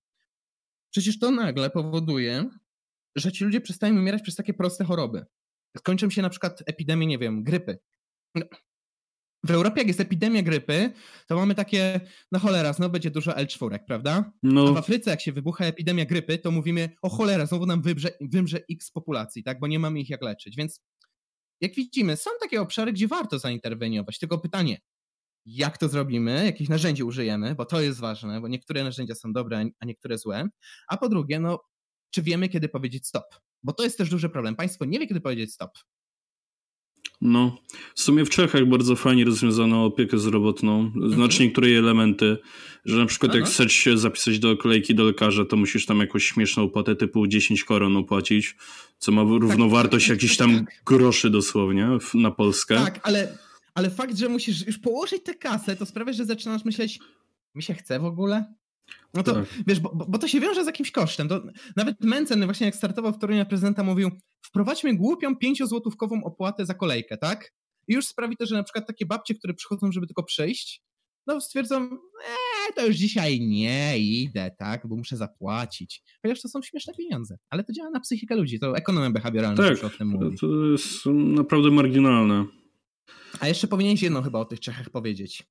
Bo jak my w Polsce mamy patologię związaną z NFZ-em, to wynika trochę z tego, że mamy jeden NFZ. Oni mają państwowy też system opieki zdrowotnej, ale mają kilka, kurcze, instytucji, które ze sobą jednak konkurują, tylko są jakby tak pilnowane przez państwo, przez co właśnie to powoduje na przykład, że muszą spadać y, koszty usługi medycznej i rosną na przykład płace dla lekarzy, tak? bo jest jakaś konkurencja, choćby minimalna. Mm, tak, zresztą mam tutaj artykuł na ten temat, który właśnie no wcześniej znalazłem. E, to jest artykuł z portalu prawo.pl. Zresztą w opisie wrzucę link, więc e, ktoś na YouTubie, o. jeśli chce, to mhm. może śmiało e, się z tym zapoznać. I tak, to o czym wspomniałeś, w Czechach przede wszystkim jest konkurencyjność funduszy medycznych, mimo że to mhm. są nadal państwowe, to jest jakby ręka rękę myje to samo, ale mhm. to, że one w jakiś sposób pomiędzy sobą konkurują, już, już coś daje. E, bo tak, mhm. w Czechach jest kilku płatników, którzy zawierają ze szpitalami i przychodniami kontrakty, płacąc im określony ryczałt. Największym zakładem ubezpieczeń zdrowotnych jest powszechny zakład ubezpieczeń zdrowotnych, czyli nie będę próbował tego przeczytać, bo to jest po czesku. E, a pozostałe cztery zakłady to e, branżowe kasy chorych, na przykład bankowa czy wojskowa. I te zakłady konkurują pomiędzy sobą i pacjent może raz do roku zmienić kasę, ale ubezpieczycielom należy im na tym, aby ten ruch u nich pozostał dlatego że im bardziej skomplikowany zabieg przyjdzie w którymś szpitalu, tym więcej kasa chorych na nim zarobi. Więc e, w ten mhm. sposób to się odbywa i jest jakby taka no, rotacja tych pacjentów. Zresztą to jest, można powiedzieć, taki trochę pierwszy krok, żeby później już zacząć to powoli bardziej prywatyzować i potem na przykład pozbyć się mhm. już w pełni e, takim prywatnym kasam chorym już wchodzić na rynek, więc można powiedzieć, że to jest takie powolne u, ubezpaństwowianie, nie wiem jak to ładnie ująć, e, ale tak nie zrobić tego nagle, szybko i gwałtownie, tylko tak bardzo, bardzo powolutku. Właśnie, żeby ludzie byli w stanie się przyzwyczaić, zauważyć, że to jest dobre, mhm. no nie tak jak mówi Korwin, że zaorać prawo, wszystko zmienić, wszystko być zajebiście, tylko nie, no musimy dać ludziom mm, dać odczuć przede wszystkim im portfelom, że coś działa na lepsze e, i tak, mhm. uwaga, to, to Polaków zszokuje. Oficjalnie oczekiwanie na wizytę lekarza pierwszego kontaktu czy ginekologa nie może w Czechach przekraczać 35 minut.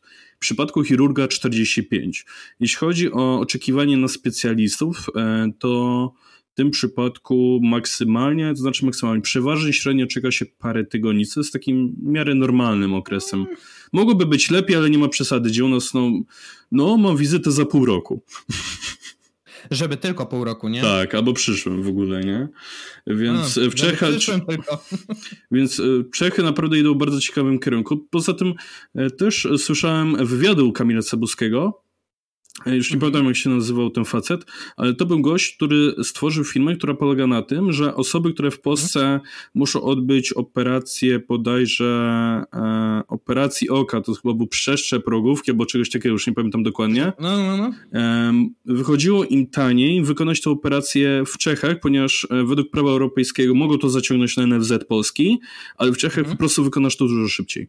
Jedyne co mhm. płacisz to są jakby e, cena jakby transportu do szpitala tam i później powrotu, nie?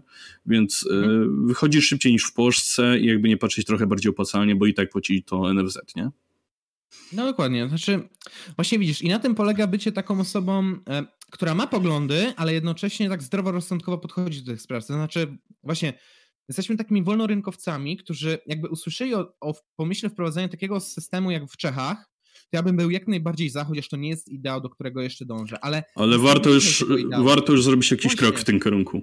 Bo ważne jest na przykład zmienienie mentalności ludzi, pokazać, że ej, patrzcie, taki system już mniej więcej jakbyśmy chcieli, działa. To może ten taki trochę bliżej tego, co byśmy chcieli, jeszcze lepiej zadziała, nie? No, to jest taka właśnie praca nad zmienieniem mentalności ludzi. To nie jest łatwe, nie jest proste, nie jest szybkie, ale działa w dłuższym okresie, tylko trzeba no, być cierpliwym, a tego nam trochę brakuje.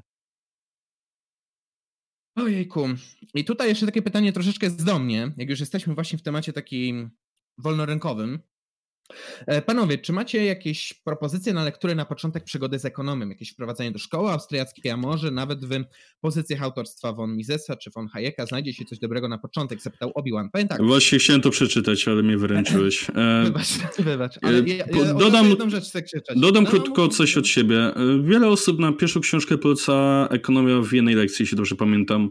Hajta, tak, e, tak, tak, że jest to bardzo tak, e, tak, że jest to bardzo dobre jakby taki początek z ekonomią, żeby się tak wstępnie mhm. z tym zapoznać, e, ale jeśli chodzi o dalsze lektury, to już pozostawiam tobie. Znaczy tak, to jest bardzo dobra książka, bo jest, powiem tak, szkoła austriacka, jeśli ma mieć mankament, to ma jeden. Autorzy tej szkoły piszą naprawdę topornym językiem. W sensie unikajcie na początku Hayeka. Ja to mówię z pełną powagą.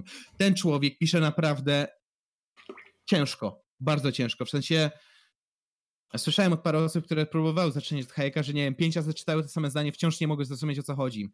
On i Rothbard mieli właśnie takie szczególne, szczególną pasję z tych takich ludzi, których czytywałem, żeby tworzyć na przykład zdanie, które ma pół strony, tak? I po przeczytaniu go myślisz sobie, okej, okay, gość zaczął coś od kryzysu na przykład w Ameryce, a skończył o sytuacji, nie wiem, w Andorze, czy coś takiego, nie? No, nie mieli stylu. Mieli mieli bardzo ciekawe pomysły, ale nie mieli stylu, więc tak.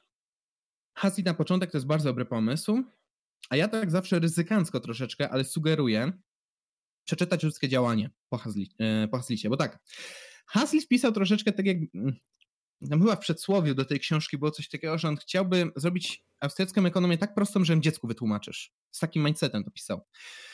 Mises pisał już toporniej, ale nie tak źle jak Hayek, tak? No, przeczytałem biurokrację Misesa i się czytało to fajnie. No, no, nie, te, te, inne jego książki są trochę lepsze. Mm, mm, ludzkie działanie jest troszeczkę trudne ze względu na to, że on tam próbuje wyłożyć jakby filozoficzne podstawy szkoły austriackiej, co no, może być trochę nieprzyjemne, ale jeśli ktoś naprawdę się skupi, będzie nawet czytał małymi fragmentami, to jest duża cegła, ponad 800 stron, ale jeśli, jeśli się postara, albo na przykład kupi audiobook, bo niektórym po prostu lepiej słuchać niż czytać, jeśli będzie tak solidnie starał się to zrozumieć, naprawdę będzie miał już ogromny wjazd do szkoły austriackiej i inne lektury automatycznie staną się dla niego prostsze, bo jeśli ktoś rzuci trudnym pojęciem, to, za, to, to, tak w 95% w ludzkim działaniu te pojęcia są wyjaśnione też, nie? Także to bardzo pomoże zrozumieć mindset, metodologię Austriaków i potem jak się czyta na jakiś detaliczny temat, um, no to zwyczajnie łatwiej nam to przyswoić, bo już znamy te pojęcia od Misesa. Także nie mówię, że to łatwe, nie każdy powinien od tego zacząć, ale warto byłoby zaryzykować może, jeśli naprawdę jesteście tym zajarani i chcecie w to troszeczkę głębiej wejść. Bardzo polecam. E, dobra, żeby ci może nie ukraść, to może teraz jakieś pytanie wybierzesz, co? E, więc co mam tutaj wyżej komentarz Falafela, bardzo ciekawy Widzę z tego, go. jak tak zerkam. Myślę, że możemy hmm. tak spróbować ten wątek trochę pociągnąć. Więc e, no, pozwolę. może go w całości, nie? No właśnie no, chciałem. Mhm. E, więc tak, e, w takim razie czytam. Ostatnio naszła mnie pełna rozkmina, czy aktualnie faszyzm jest bardziej lewicowy czy prawicowy. Najpierw należy wyznaczyć pewne aksjomaty faszyzmu dla pełnej spójności. Po pierwsze socjalizm, drugie militaryzm, trzecie propaganda, e, czwarte e, próba stworzenia jednolitego społeczeństwa i penalizacja za wychodzenie poza schemat, Piąte kontrola państwowa, szósta walka ideologiczna, siódme nacjonalizm. Gdy spojrzymy na te aksjomaty, można dojść do wniosku, że liberalne partie, takie jak Konfederacja, oczywiście poza skrzydłem narodowym, raczej są daleko tej idei. Gdy spojrzymy na PiS na przykład, to tutaj już jest trochę ciekawiej. I tutaj są odniesienia do tych punktów, więc tak. E, po pierwsze, duże ciągoty do socjalizmu. E, drugie, dziwne inwestycje militarne. Trzecie, co do trzeciego podpunktu muszę zacytować ojca ekonomistę, przedsiębiorcy ITP. XD. E, czwarte, e, punkt jest trochę trudniejszy dla mnie i nie mam wystarczającej wiedzy, by go jednocześnie, jednoznacznie stwierdzić e, upisu. Piąte. Punkt jest oczywisty. Urzędnicy patrzą na ręce przedsiębiorców, co chyba się potem punkt podpina. Szóste. PiS prowadzi walkę ideologiczną pod nazwą Dobra Zmiana, a wszyscy wiemy, że wygląda to niczym propaganda z 1984. Siódme. Co do siódmego nie jestem pewien, chociażby przez niezwracanie uwagi na 447. Z tego co zgaduję, chodzi o tą ustawę chyba prożydowską, jeśli dobrze to nazywam. Tak, tak, tak. Tam o oddawanie majątku, tak, tak, tak. E, tak. SLD wygląda na ciekawie. A proszę bardzo. Pierwsze, punkt chyba nie trzeba wyjaśniać. Drugie raczej też nie. Trzecie, Zandberg jest za publiczną telewizją, więc tworzy organ propagandy. Czwarte, moim zdaniem SLD mówi ludziom bardziej jacy chcecie, ale Bądźcie, co chcecie. Tak, tak, tak przepraszam. Mhm. E, piąte, no chyba też nie trzeba tutaj tego wyjaśnić za bardzo. Szóste punkt tak samo, chociażby walka za pomocą mitu dobrego małego chłopaka z Krosna. I siódme, e, także się tutaj nie spełnia. Moim zdaniem powiedzenie, że faszyzm stał się ideą lewicową byłoby dużym nadużyciem, ale gdy spojrzymy na te aksjomaty, możemy dojść do wniosku, że partie oskarżające o faszyzm mają więcej z nim wspólnego niż ofiary ich pomówień. Co o tym sądzicie? Oczywiście jestem otwarty na krytykę i nie wykluczam, że mogłem się gdzieś nieświadomie naciągnąć na korzyść yy, swojego wywodu. Dziękujemy bardzo za komentarz i bardzo ciekawe mm. spostrzeżenie, bo myślę, że to jest bardzo ciekawy temat, żeby pod tym kątem spojrzeć trochę na partie polityczne. Ja nawet powiem ci szczerze, tak falafel mnie teraz inspiruje, że może kiedyś jeszcze materiał na... Wyobraźcie sobie, powinniśmy o tym zrobić. Także muszę to gdzieś zachować, ale generalnie rzecz ujmując, to właśnie falafel dostrzega tutaj, że być może dopuścił się pewnych drobnych uproszczeń w ramach swojej, e, swojej tutaj rozkminy, pokazania, chociaż bardzo szanuję, że zachował pewien porządek w tym wszystkim. Na przykład, jak to powiedzieć, takie wprost stwierdzenie, że faszyzm, czy na przykład nazizm później w Niemczech był socjalistyczny, to jest troszeczkę bardziej niuansowe. To znaczy, bardzo często system gospodarczy w tych krajach się określa mianem korporacjonizmu. Już wyjaśnię w dwóch słowach o co chodzi. Generalnie chodzi o to, że to jest tak jakby próba wykorzystania pewnych aspektów kapitalizmu, to znaczy nie znosimy na przykład swobody wymiany, nie znosimy mechanizmu rynkowego, systemu cenowego, takich rzeczy, ale, jak to lewica lubi mówić, ale jednak staramy się w jakiś sposób upaństwowić ten system. To znaczy, na przykład dopuszczamy i ograniczamy, dopuszczamy tylko wybrane korporacje do funkcjonowania, odrzucamy raczej mniejsze podmioty i protekcja państwowa zapewnia tym instytucjom wyłączność tak, na dany kraj. W związku z tym nie, na przykład pamiętamy, że w Niemczech czy we Francji było kilku wytwórców broni i się ciągle w kółko e, przewijali przez dyskurs e, tamtych czasów. E, na przykład zakłady Kruppa, które produkowały artylerię dla Niemiec. Nie? Oni właściwie byli wyłącznym dostawcą tego sprzętu, tak? Powiem szczerze, no, nawet jak Niemcy przejmowały Czechosłowację, tak? I tam łapały te fabryki Skody, to jeśli się je nazywało fabrykami Skody, to tylko przez względy historyczne, bo one podpadały pod kuratele od razu jednej z tych korporacji, która, którą Niemcy kontrolowały, tak? które Niemcy wyróżniały.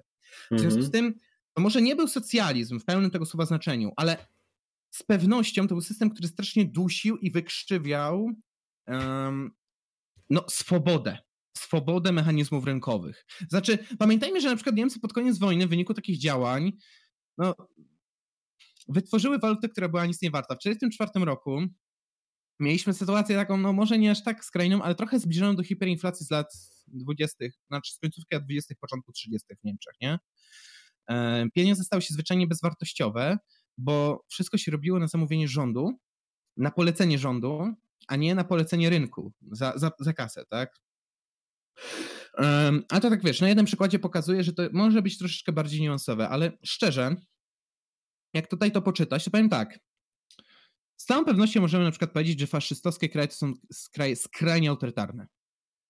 Tylko może nie są do końca socjalistyczne. Więc na przykład jeśli byśmy w uproszczeniu pewnym przyjęli, że w tej na skraju, w lewym górnym rogu kompasu politycznego znajdowałoby się, nie wiem, ZSRR, Chiny, czy nie wiem, Kambodża, dajmy na to, to powiedziałbym tak, Niemcy znalazłyby się też bardzo wysoko, tylko może troszeczkę bliżej jednak środka. Tak powiedzmy, byłyby w połowie czerwonej ćwiartki, moim zdaniem. Coś -hmm. takiego. To nie jest wcale pozbawione sensu, bo co z tego, że tak jakby na papierze były te mechanizmy, skoro one nie spełniały swojej funkcji, bo i tak wszystko zależało od decyzji i poleceń rządu, nie? I tego, jak to Niemcy kontrolowały. Bo na przykład no, z propagandą nie trzeba się w ogóle zastanawiać, tak? Czy, czy, czy, czy takimi rzeczami, ale właśnie ekonomicznie, no, może nie do końca, ale w sumie bardziej tam niż w tą drugą stronę. No, jeśli ktoś uważa, że w Niemcy były wolnorynkowe w tamtym czasie, Chciałbym teraz, żeby po prostu wszedł w wehikuł czasu, spróbował sobie firmę założyć w Niemczech. Bez kontroli rządu, bez zgody rządu i tak dalej. To nie jest łatwe. I nawet teraz w naszej Polsce to nie jest tak do końca łatwe założyć firmę bez zgód. zgód.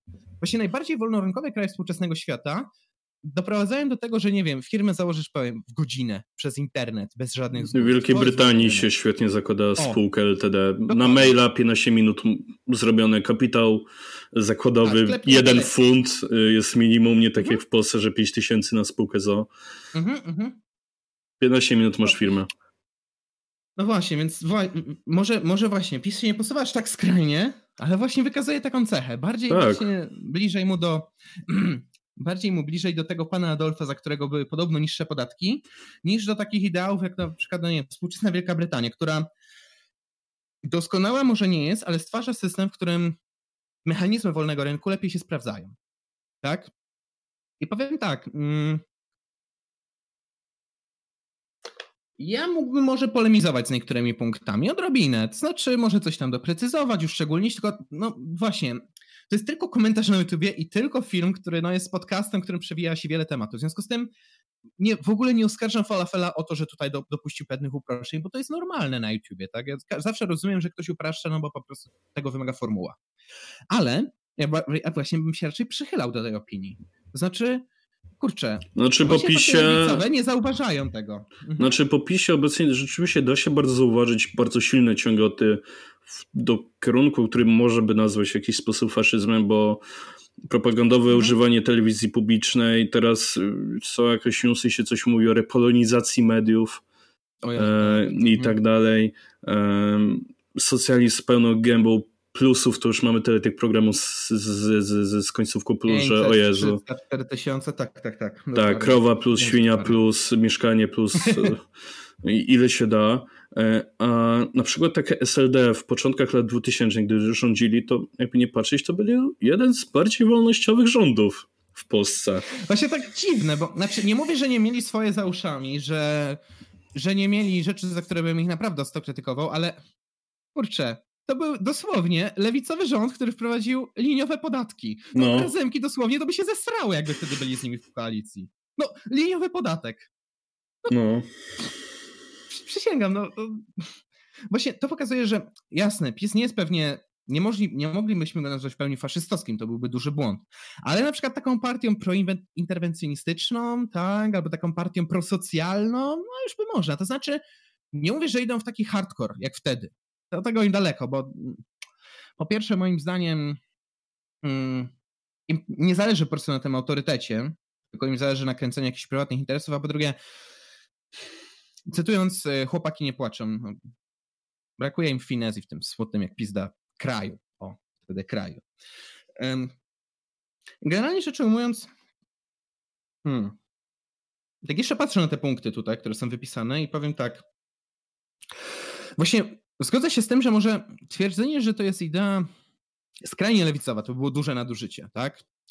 Ale bym rzekł, że to jest raczej idea lewicowa niż prawicowa. W sensie to wynika z tego, kto, patrzy, kto bardziej patrzy na którą oś. Ja na przykład się mocno zgodzę z falafelem, że to jest raczej partia lewicowa, znaczy, że, że faszyzm jest raczej ideologią lewicową, ponieważ ja zawsze najbardziej patrzę na oś gospodarczą. Dla mnie to jest taki główny determinant tego, czy mówimy o prawicy czy lewicy, tak?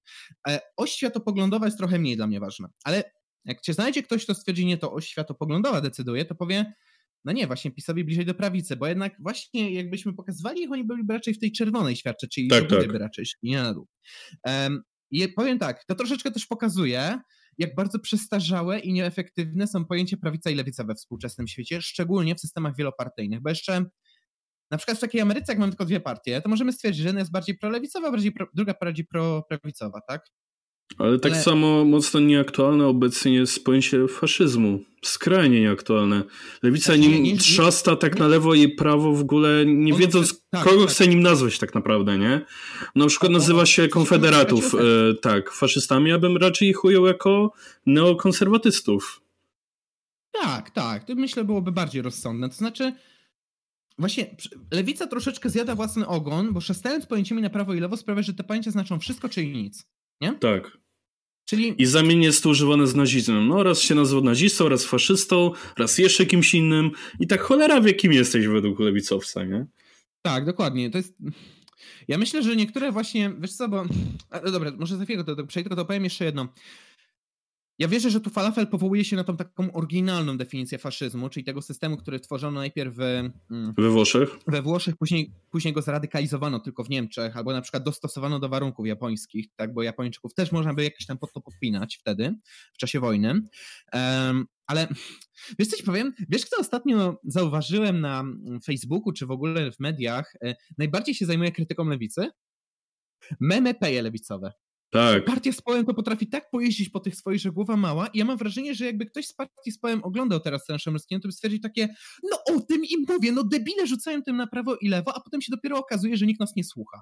No, bo nadużywają pojęć, tak? Bo nie umieją pohamować emocji. Zamiast właśnie spokojnie, zdrowo o tym porozmawiać albo się zastanowić, to lecą po prostu emocjonalnie. No i właśnie, no, kończą w świecie, w którym wszyscy się z nich albo nabijają, albo ich już nie słuchają, albo mają ich po prostu dosyć i się stają wręcz wobec nich agresywni. Ale to jest właśnie to pokłosie działania emocjonalnego, nie?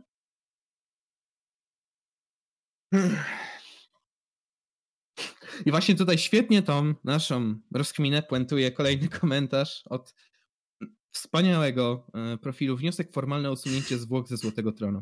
Śmiejcie się. Ale ja jestem ciekawy, jakie stanowisko zajmie Lewica w sprawie transmurzynskości, czyli białych malujących się na Afroamerykanów. Wiadomo, do czego on pije, do tego gościa, który ostatnio e, pomalował się na czarno i na omegle tam właśnie mówił, że jest mm. transmurzynem. Tak. E, tylko właśnie to pokazuje taki absurd i nieumiejętność złapania świata w pojęcia. To znaczy, świat i nauki, i polityki, tak naprawdę wszystkie takie wielkie rzeczy, którymi żyjemy, żeby jakoś zrozumieć i o nich dyskutować, trzeba zamknąć w pojęcia. Ten, kto umie to zrobić, ten będzie miał łatwiej do zapanowania nad um, dyskursem tak, w danej kategorii. Lewica przez to, że właśnie tworzy pojęcia, które znaczą wszystko, nie umie zapanować nad debatą i leci chaotycznie na pałę przez tę całą debatę. No niestety, no obecna polityka w Polsce, tak już nieraz mówiliśmy, że to jest takie mocne XD i takie dochodzenie do niczego. XD pomaga trochę to przeżyć. Tak. Bo właśnie, bo to nic nie wnosi, w związku z tym co możesz z tym zrobić? No wyśmiej to. Co ci szkodzi mordeczka, nie? um, no i cóż... Um, o właśnie, Dobra, e, tak, no? tak krótko powiem. Z mojej strony dziękuję serdecznie za wszystkie humorystyczne komentarze o treści. O, ten znowu akapie. Widzisz, brandujesz się wreszcie. Tak. Grubas i Akap podcast. Nie, nie, nie. Fanistyczny grubaszek show i ten znowu akapie. Jesteśmy tu dwójku. Chociaż powiem szczerze, że mnie trochę serce poruszyło, jak widziałem, że ludzie mnie bronią, że o Jezus, on ma po prostu problemy z genami, albo przepraszam, proszę nie szkalować chudych, my też mamy problemy chude Life Matters. Ej, ale mam dużo znajomych, no. zresztą my mamy, którzy potrafią mhm. zjeść trzy razy więcej niż my w ciągu dnia i nic nie przytyją, gdzie my byśmy już się tak turlali. Wkurza. Tak, mnie to tak wkurza momentami, no ale cóż. No życie. Jak to, jak to mówiłem, matka natura jest czasami troszeczkę sukowata, w związku z tym po 30, jak już zahamuje metabolizm, to ich dojedzie. Ale do, do, po prostu matka natura jest jak Korwin. Generalnie mówi prawdę, ale czasami coś pierdolnie. Dobra, a wiesz co? Jeszcze chciałem się odnieść do takiego komentarza Łukasza Bednarczyka. Wybacz mm -hmm. Łukasz od razu, że nie będę czytał całości, bo to jest po prostu bardzo duże, ale tak. zachęcam wszystkich do przeczytania, bo bardzo ciekawa rozkmina i tutaj jeszcze dalsze komentarze dotyczące mm, tak jak sobie Sowieci radzili podczas wojny, że nie wykorzystywali zasobów, które mieli, że no przegrali przez taką małostkowość, błędy, przez, można powiedzieć, ideologię, w której się trochę schowali. No, polecam do przeczytania, ale ja od razu przejdę do pytania, które tu pada, bo w kontekście tej krytyki ZSRR tutaj nas zapytano o to, czy Chiny mają podobny problem co ZSRR, czyli takie wielkie inwestycje, które nie mają pokrycia. No, przywoływany już chyba kiedyś przeze mnie miasta duchy, nieudolność wojska, czy na przykład takie chamskie kradzieże własności intelektualnej, tak, z zachodniego świata, o tym ostatnio też trochę mówiliśmy. I czy uważamy, że ten system upadnie, może nie aż tak spektakularnie jak ZSRR w latach 80., ale że właśnie będą zmuszeni do przejścia jakichś głębokich zmian, albo będzie obawa, że się rozpadną. No i właśnie my troszeczkę o tym ostatnio rozmawialiśmy tak między sobą, prywatnie. W sumie rozmawialiśmy, głównie się skupiliśmy na Ujgurach, prawda? Mhm. W północno-zachodnich Chinach. Właśnie Ujgurzy to jest świetny przykład na pokazanie tego, że w Chinach panują bardzo głębokie separatyzmy. Chiny kontrolują ogromne terytorium, ale to terytorium nie jest do końca spójne, jak się nad tym zastanowić. To znaczy, pomyślmy nad tym, jak ogromne inwestycje i jak skrajne działania muszą podejmować Chińczycy, żeby utrzymać to wszystko w kupie. W sensie, w państwach zachodnich, nawet jeśli są jakieś separatyzmy, to naprawdę musi się źle zacząć dzieć w kraju, żeby te separatyzmy dało sobie znać, tak? W sensie, no mówi się na przykład trochę o tym śląskim separatyzmie w Polsce, ale wszyscy to traktują trochę prześmiewczo, tak? Na przykład separatyzmy w Hiszpanii, w Katalonii odezwały się dopiero wtedy, kiedy Hiszpania naprawdę zaczęła zwijać gospodarkę, tak? Zaczęła się zapadać niejako. A Chiny bez przerwy muszą to kontrolować, bo jakby chociaż troszeczkę osłabili ten łańcuch, na którym trzymają niektóre tereny, to to mogłoby się rozpaść. Zresztą no, Chiny, tak historycznie rzecz ujmując, były znane z tego, że się właśnie często rozpadały na mniejsze nacje i ciężko to utrzymać w kupie. Oni to próbują robić siłą.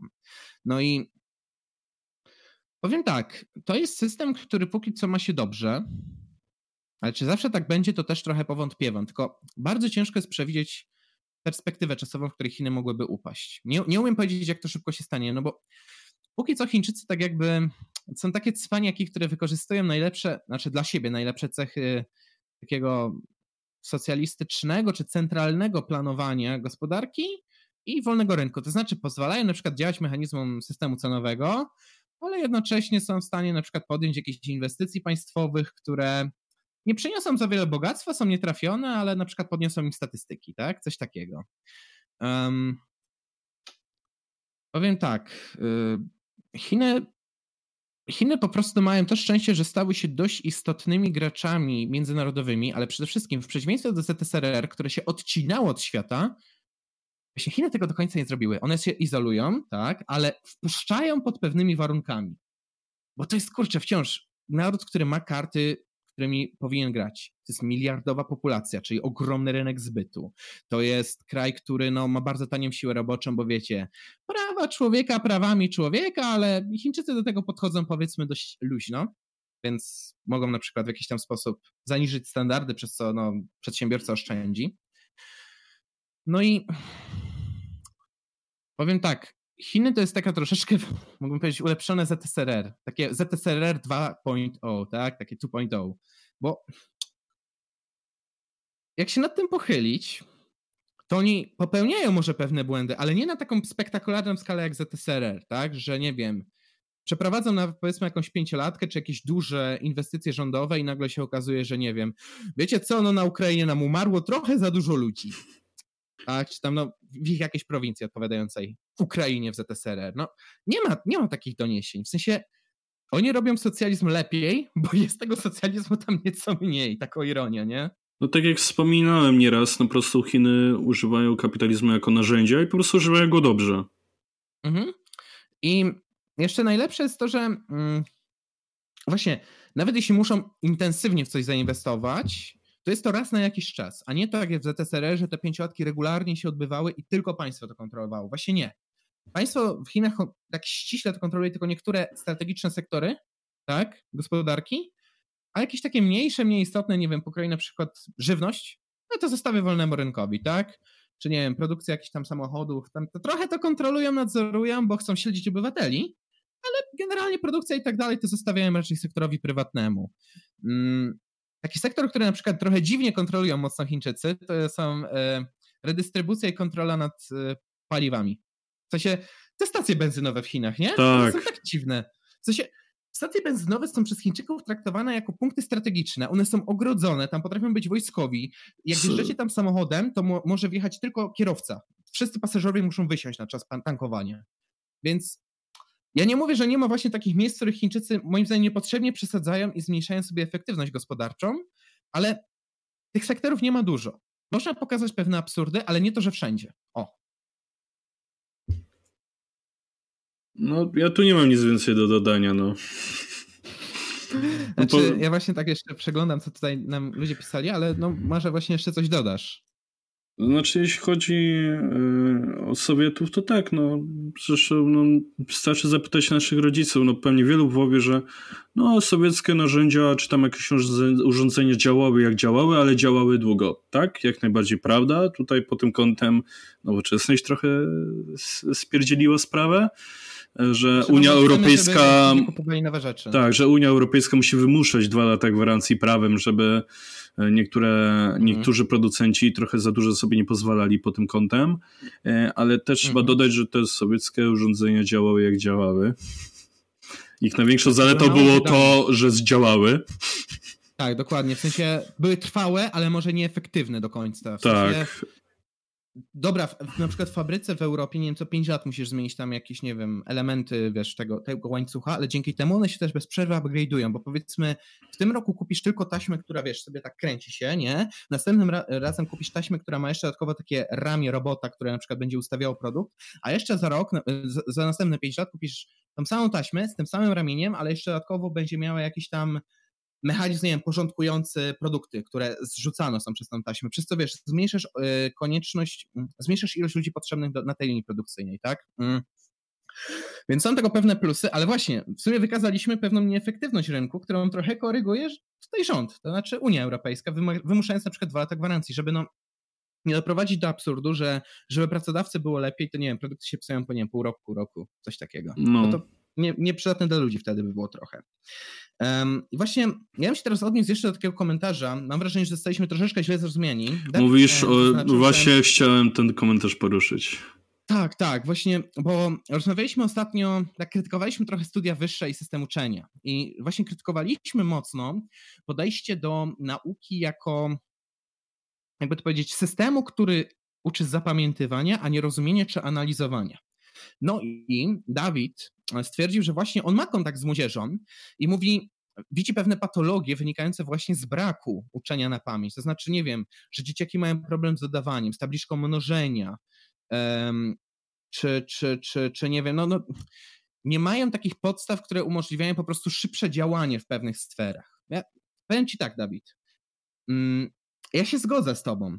W sensie ja też pracuję z małymi, pracowałem z małymi dziećmi i ja wiem, że pewna taka praca, powiedzmy, pamięciowa jest potrzebna, ale mówisz o dzieciach. Zaznaczę jedno, rozmawialiśmy o studiach wyższych. Rozmawialiśmy o studiach wyższych, gdzie. I też o licealistach, trzeba to też podkreślić. I o licealistach, tak, którzy już powinni się trochę zmienić. To znaczy, nie mówię, że pewnych podstaw nie należy zrozumieć, tylko trzeba by przemyśleć dokładnie co i w jakich ilościach i być może troszeczkę pomyśleć nad metodą, żeby dzieciaki łatwiej to zapamiętywały. Bo nie mówię, pamięć też należy rozwinąć, szczególnie w tym wczesnym wieku, bo to po prostu potem ułatwia właśnie pracę z danymi, tak? Bo to cię nie przytłoczy cię nawet tak bardzo, bo już coś tam pamiętasz, aha, to jest z tym związane, no dobra, no poukładasz to sobie na swoich półkach w głowie, prawda? Ale chciałbym tutaj też poruszyć hmm? jedną kwestię, właśnie odnośnie podstawówki, bo bardzo hmm? często patologie polegające na tym, że e, dzieci powiedzmy w tym wieku licealno-gimnazjalnym, że tak to pozwolę sobie ująć, hmm? mają problemy z dodawaniem czy tabliczką mnożenia, trochę też wynika z tego, że w czasach podstawówki nie pracowali z nimi rodzice. A no.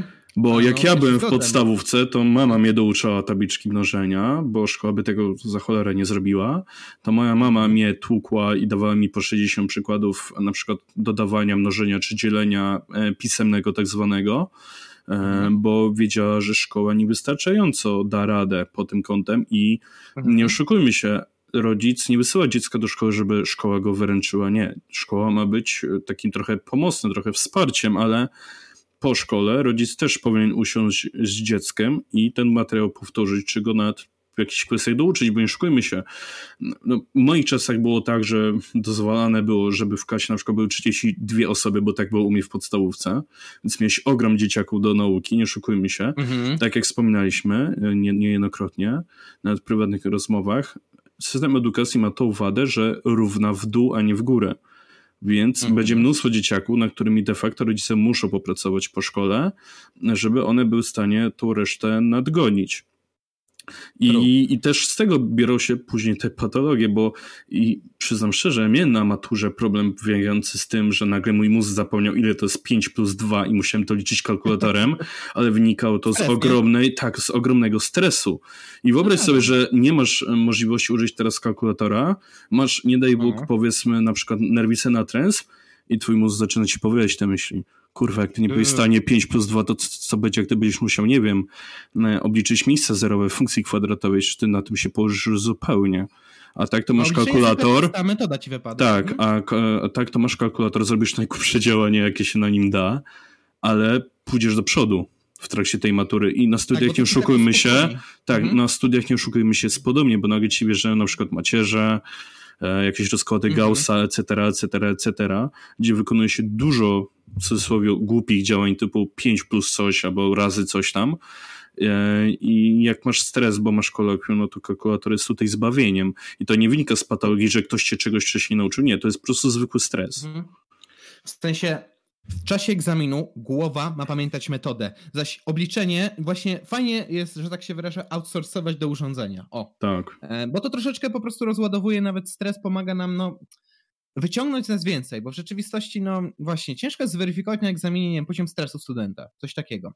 Ja bym jeszcze jedno dodał z materiału Wojny Idei, który się niedawno pojawił, gdzie on mówił, że system pruski, bo tak się nazywa ten system, który teraz dominuje w szkołach, on nie jest taki najgorszy.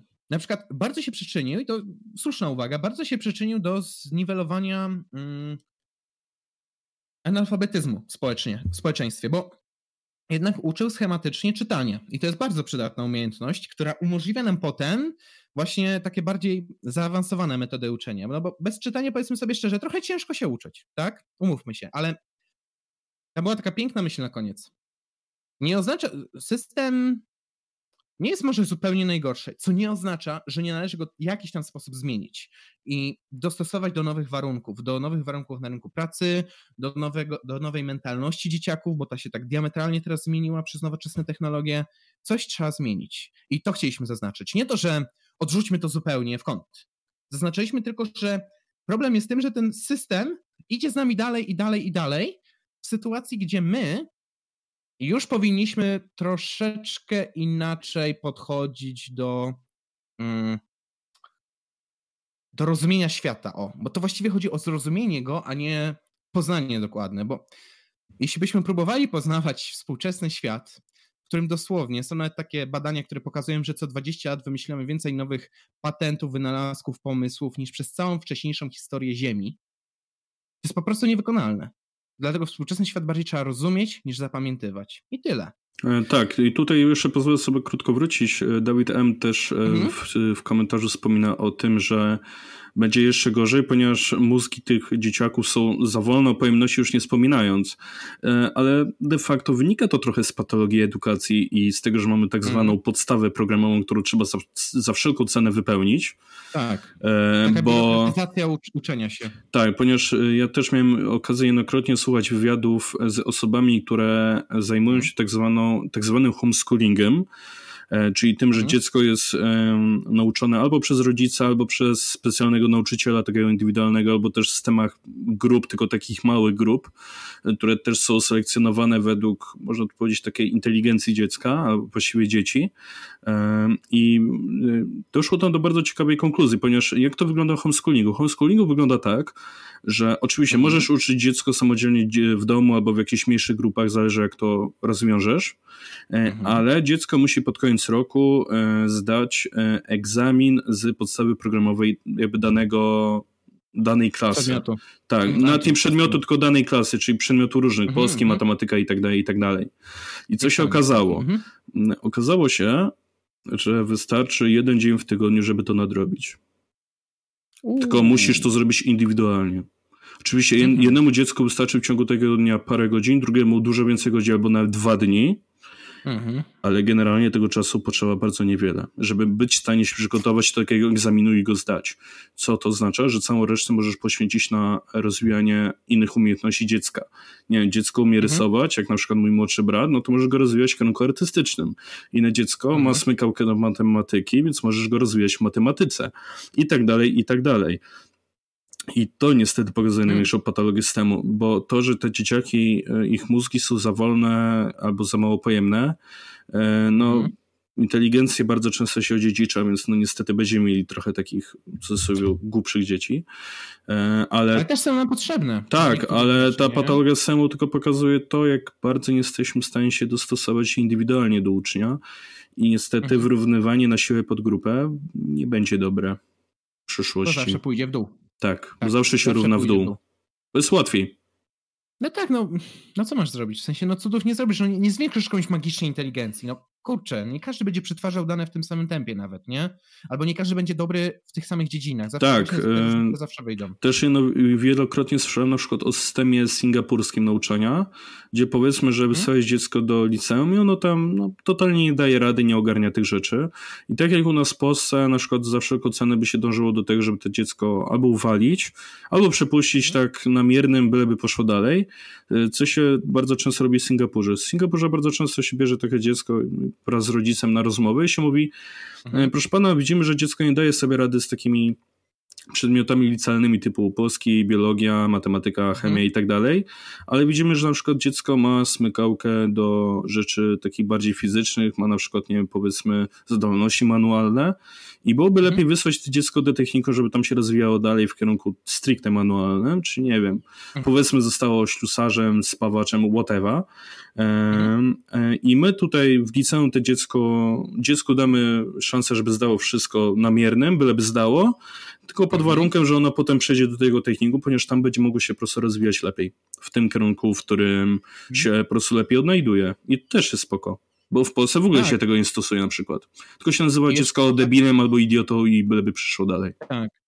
Właśnie jeszcze tylko taką drobną rzecz na koniec zauważę. Popatrz, um, dzięki temu taki dzieciak też potem ma nawet łatwiej z wejściem na rynek pracy, bo już jest świadom, co będzie robił i się tak. po prostu zwyczajnie nawet mentalnie szykuje. Gdzie w Polsce właśnie wielu ludzi wchodząc wiesz, w dorosłe życie nadal nie wie, kim może być. Albo nie będzie iść, gdzie iść na studia. I patrzy. Tak, nie będzie iść na studia i nie patrzy na to, czy to jest dobry kierunek, tylko na to, czy go przyjmą na przykład. True, true, true. I na zasadzie, a bo to potem jest dużo pieniędzy, tylko tak. potem się okazuje, nie masz do tego w ogóle pasji. E, tak, no ja tak nie miałem pasji do informatyki, coś tam potrafię, ale ja bez szału. E, no. A dodatkowo też na przykład mieliśmy jednego chłopaka na kierunku, który był po kierunku humanistycznym w liceum, a na informatykę mhm. poszedł, bo słyszał, że są dobre zarobki. I totalnie nie dawał rady. Tak, no totalnie, totalnie. Leżał na wszystkim. No nie dziwię mu się, w sensie nawet współczuję gościowi, no naprawdę, tak szczerze, po, od serca, bo... No też, ale nie, nie patrzę na niego na zasadzie, że hu, no. jesteś debilem, tylko E, kurde, no okej, okay, czuję, że z informatyki są bardzo dobre zarobki, co widać po naszym wspólnym znajomym, tylko że on na przykład miał 10 lat niekomercyjnego doświadczenia, mu się chciało i on siedział i w tym drążył, tak jak teraz drążę i na nasz kanał wszystko montuje samodzielnie i się też w tym rozwijam we własnym ja zakresie. W wypowiedziach publicznych, tak? Tak, ty na przykład... Ja miałem duże doświadczenie wcześniej, bo ja to robiłem właśnie głupie apele w szkołach, prowadzenie jakichś wystąpień w domach kultury, czy nawet raz prowadziłem pokaz magiczny w Toruniu. Najdziwniejsze doświadczenie, jakie miałem. Ale to wszystko po to, żeby teraz właśnie łatwiej się oswoić z kamerą i szybciej uprofesjonalnić się w tym. Ale tak samo masz doświadczenie na przykład w muzyce. Też samodzielnie, tak jak mój tata. Mój tata nie ma żadnego doświadczenia muzycznego, e, przepraszam, e, edukacji muzycznej wyższej, tak. e, ale ma za to 24 lata doświadczenia w realizacji dźwięku, bo ma studium nagrań, odkąd się, no, prawie odkąd się urodziłem tak naprawdę. I widzisz? I to, i to jest fajne na zasadzie takiej, że... Mm, twój tata nie to, że musi coś rozkmiać teoretycznie, tylko tak będzie dobrze. Ale proszę pana, czemu? Bo tak będzie dobrze. Nie, nie, nie mówi bo tak, bo wielokrotnie nie, tłumaczy nie, nie. artystom, dlaczego nie należy tak robić, albo no, bo widziałem w jakimś teledysku, że na przykład wokalista miał dwa mikrofony i mój tata potrafi wytłumaczyć, dlaczego tam były dwa mikrofony. I dlaczego nie, nie warto używać dwóch mikrofonów, to to nie tak działa, nie? Nie, nie, to, że pojeżdżam czy coś, to, to, to, to jakiś żarcik, bo wiesz, bardzo często mm -hmm. właśnie tacy muzycy, którzy potem się rozwijają samodzielnie, to często mówią, że w pewnym wieku mieli coś takiego, że jak, potem się nauczyli pojęć, zrozumieli co jak działa, ale na początku często mówią, że bo to będzie działać, zaufaj mi dud, tak? I faktycznie tak. działało, a później tylko musieli się douczyć, aha, to się tak nazywa i to, tak działa. Dobra, okej, okay, to jest wszystko. To tak. Jest tak jak, jak się nauczył języka grając, nie wiem, w gry albo rozmawiając z native'ami, a później tylko musisz, nie wiem, sobie kupić książkę, żeby dowiedzieć się, aha, to, to takiej gramatyki używałem, dobra, to teraz już jestem przynajmniej świadom. O, coś takiego. E, tak, bo na przykład, e, tak przykładowo, jak już rzuciłem przykład mojego taty, mój tata ani cholery nie ma edukacji w kierunku muzycznym, mój tata jest po melioracji wodnej, e, a zajmuje się profesjonalną realizacją dźwięku, tak, e, więc no, czy da się? No jak najbardziej da się. E. No tak. Ale widzisz, system szkolny w tym nie pomógł. To musiała być, wiesz, taka samodzielne trwanie i dążenie do celu. Tak, i wiesz, teraz na przykład zauważmy, że jakieś dziecko powiedzmy ma jakieś smykałkę do muzyki, albo chce mieć smykałkę i po prostu już mu pozwalamy od strony edukacyjnej pójść mocno w tym kierunku i się w tym mhm. rozwijać. E, bo no niestety, no właśnie, PRL też pokazuje, jak zły był system edukacji, bo dlaczego mój tata poszedł na melioracji wodną? Bo w PRL-u było mnóstwo prac z tym związanym. Melioracja wodna to była cała gospodarka państwowa na tym oparta i bardzo szeroko to szło. I co się okazało? Dlaczego mój tata na przykład bardzo lekko w tym pracował, a później całkowicie to porzucił. Oczywiście z jednej strony wiązało się to z tym, że poszedł do wojska, ale z drugiej strony zauważył, że jak już Polska wyszła z komunizmu i tak dalej, to nagle się okazało, że ta melioracja wodna z PRL-u ona się cały czas mhm. trzyma, ją trzeba tylko lekko naprawiać raz na jakiś czas i wymarła praktycznie cała branża prawie, że.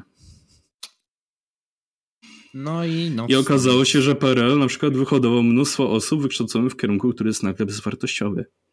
Dokładnie, I, w sensie nie przewidział zmiany systemu. Tak, i u nas w państwie też troszeczkę tak jest. Oczywiście informatycy są potrzebni, prawdopodobnie przez najbliższe 50 lat będą potrzebni i cały czas będziemy mieli niż na tym rynku tak naprawdę, E, mhm. ale jest mnóstwo kierunków, które za bardzo po nich pracy nie będzie, chyba że masz jakiś pomysł na siebie, nie? Trochę tak, ale ja ci powiem jeszcze jedno. Zauważyłem ostatnio taką też niby zmianę, której nikt nie przewidywał, ale na uniwerkach to bardzo widać. Coraz większe ciśnięcie o umiejętności miękkie, bo się okazuje, że owszem, informatyk umie na przykład coś zaprogramować, ale na przykład nie umie się często porozumieć z klientem, albo nie wiem, coś spokojnie wytłumaczyć. To są ludzie tacy skrajnie logiczni, tak mi ktoś tak. kiedyś wytłumaczył. I właśnie ogromnym problemem w firmach IT jest brak ludzi z umiejętnościami miękkimi. W związku z tym nagle się jest ciśnienie, żeby rozwijać umiejętności właśnie, nie wiem, negocjowania, rozmawiania z klientem, takich rzeczy. To jest coś, co jest jednak z innego zestawu umiejętności, że tak powiem. Znaczy tak, w firmach IT i marketingowych bardzo często zatrudnia się osoby, które są ala sprzedawca, które właśnie mają umiejętności miękkie i jest tak, że oni idą do tego informatyka, który robi kampanię AdWords, jak już rzucamy taki przykład, powiedzmy, że mamy coś takiego i on się pyta, ej słuchaj, czy w tej kampanii można zrobić to i to? Nie, dlaczego? Bo tak i tak. A okej, okay, a co moglibyśmy zrobić? To i to. I on musi teraz ten język informatyka przetłumaczyć na język klienta, przetłumaczyć to klientowi, dlaczego nie można. Oczywiście nie językiem informatyka, tylko zupełnie innym i znaleźć im hmm. też jakiś kompromis, jakieś rozwiązanie, które wie, że będzie w stanie ten informatyk wdrożyć. Taki bufor, nie? Tak, to jest, to jest taki, taki pośrednik, można powiedzieć, w firmie, nie? Tak, tak. Tego nie przewidywał właśnie, a nagle Który... się pojawiła potrzeba i o, tak, który ma trochę wiedzy technicznej, trochę wiedzy marketingowo-sprzedażowej i wie, że będzie w stanie zarówno z informatykiem, jak i z tym klientem się dogadać i na tej linii zrobić kompromis, żeby i informatyk był zadowolony, bo nagle nie musi tworzyć czegoś, czego nie jest w stanie stworzyć e, i jest w stanie dogadać się z klientem, który będzie zadowolony z produktu, nie? I w wielu firmach po prostu zatrudnia się takie osoby, które są takimi project managerami, czyli są trochę pomiędzy, pomiędzy klientem, a pomiędzy informatykiem. No właśnie, podkreślam, to trochę taki tłumacz jakby, nie? Z Dokładnie tak. Na nasze. Dobrze, ale zostawmy ten temat, bo zaskakująco go rozbudowaliśmy. Teraz troszeczkę pośmieszkujemy, odpalimy kącik heretyka. I banana za, zadziwiło, że A. jesteśmy tak niechętni pedofili, bowiem w skrajnym libertarianizmie... Niechętni, podkreślę, żeby ktoś się źle nie zrozumiał. Niechętni, dokładnie, bo stwierdził przecież, że w skrajnym liberalizmie, czy tym bardziej jak kapie, pedofilia byłaby legalna przecież. Tylko ja zaznaczę jedno. Znaczy, I widzisz, tutaj jest takie tu wychodzi coś, o czym troszeczkę mówiliśmy, takie schematyczne myślenie na, na, na temat pewnych doktryn. Znaczy zakładanie, że akapi są, skoro skrajna logika domaga się tego, żeby właśnie takie postawy były legalne, to one na bank będą legalne. Tymczasem ja mówię, dlaczego system, który po prostu stawia na maksymalizację wolności indywidualnej, miałby nagle odrzucić tradycje, w które dane ludzie wierzą, dobrowolnie przecież? Znaczy mi śmieszy najbardziej to, że wiesz, e, system, który zakłada jakby powiedzmy te, no, no, tą indywidualizm, tak? Że, że jednostka jest najważniejsza. Ale sorry, to nie jest tak, że większość ludzi jako jednostki uważa, że pedofilia jest dobra, ale no nieszczęsne prawo nie pozwala. No nie. Ja też uważam, że to jest całkowicie niemoralne. Dużo osób uważa, że to jest całkowicie niemoralne i czy AKA, czy libertarianizm, czy jakikolwiek ustrój nagle nie sprawi, że to będzie legalne. No nie nadal to nie będzie legalne, bo dużo jednostek jako jednostki będzie uważało to za coś złego. I właśnie tutaj trzeba jedną rzecz zaznaczyć, to mi się trochę taki mój wewnętrzny hopę włączy, ale on zaznacza właśnie, że tradycje są dość istotnym aspektem systemów, które tworzymy politycznych. Nawet jeśli byłyby w pełni dobrowolne, to bardzo możliwym jest, że stworzyłyby się takie mm, społeczności, w których dobrowolnie wprowadzono by zakaz pedofilii na zasadzie takie klepnięcie pieczątki, bo jak to pisano gdzieś, w AKP mógłby istnieć nawet jakiś, nie wiem, skrajny neonazistowski odłam, tak? Pod warunkiem, że nie będzie dokonywał agresji wobec innych i wstępujący do niego będą robili to dobrowolnie, tak? Tak. I będzie to robił na terenie, który należy do niego, więc on może sobie z tym terenem łaskawie robić co chce, co nie oznacza, że są inne agencje ochrony na innych terenach, które by sprawiły, że nawet by się opłacało w jakiś sposób jechać tam z bronią, ponieważ to, co robi ta dany odłam, działa negatywnie na przykład na inne tereny.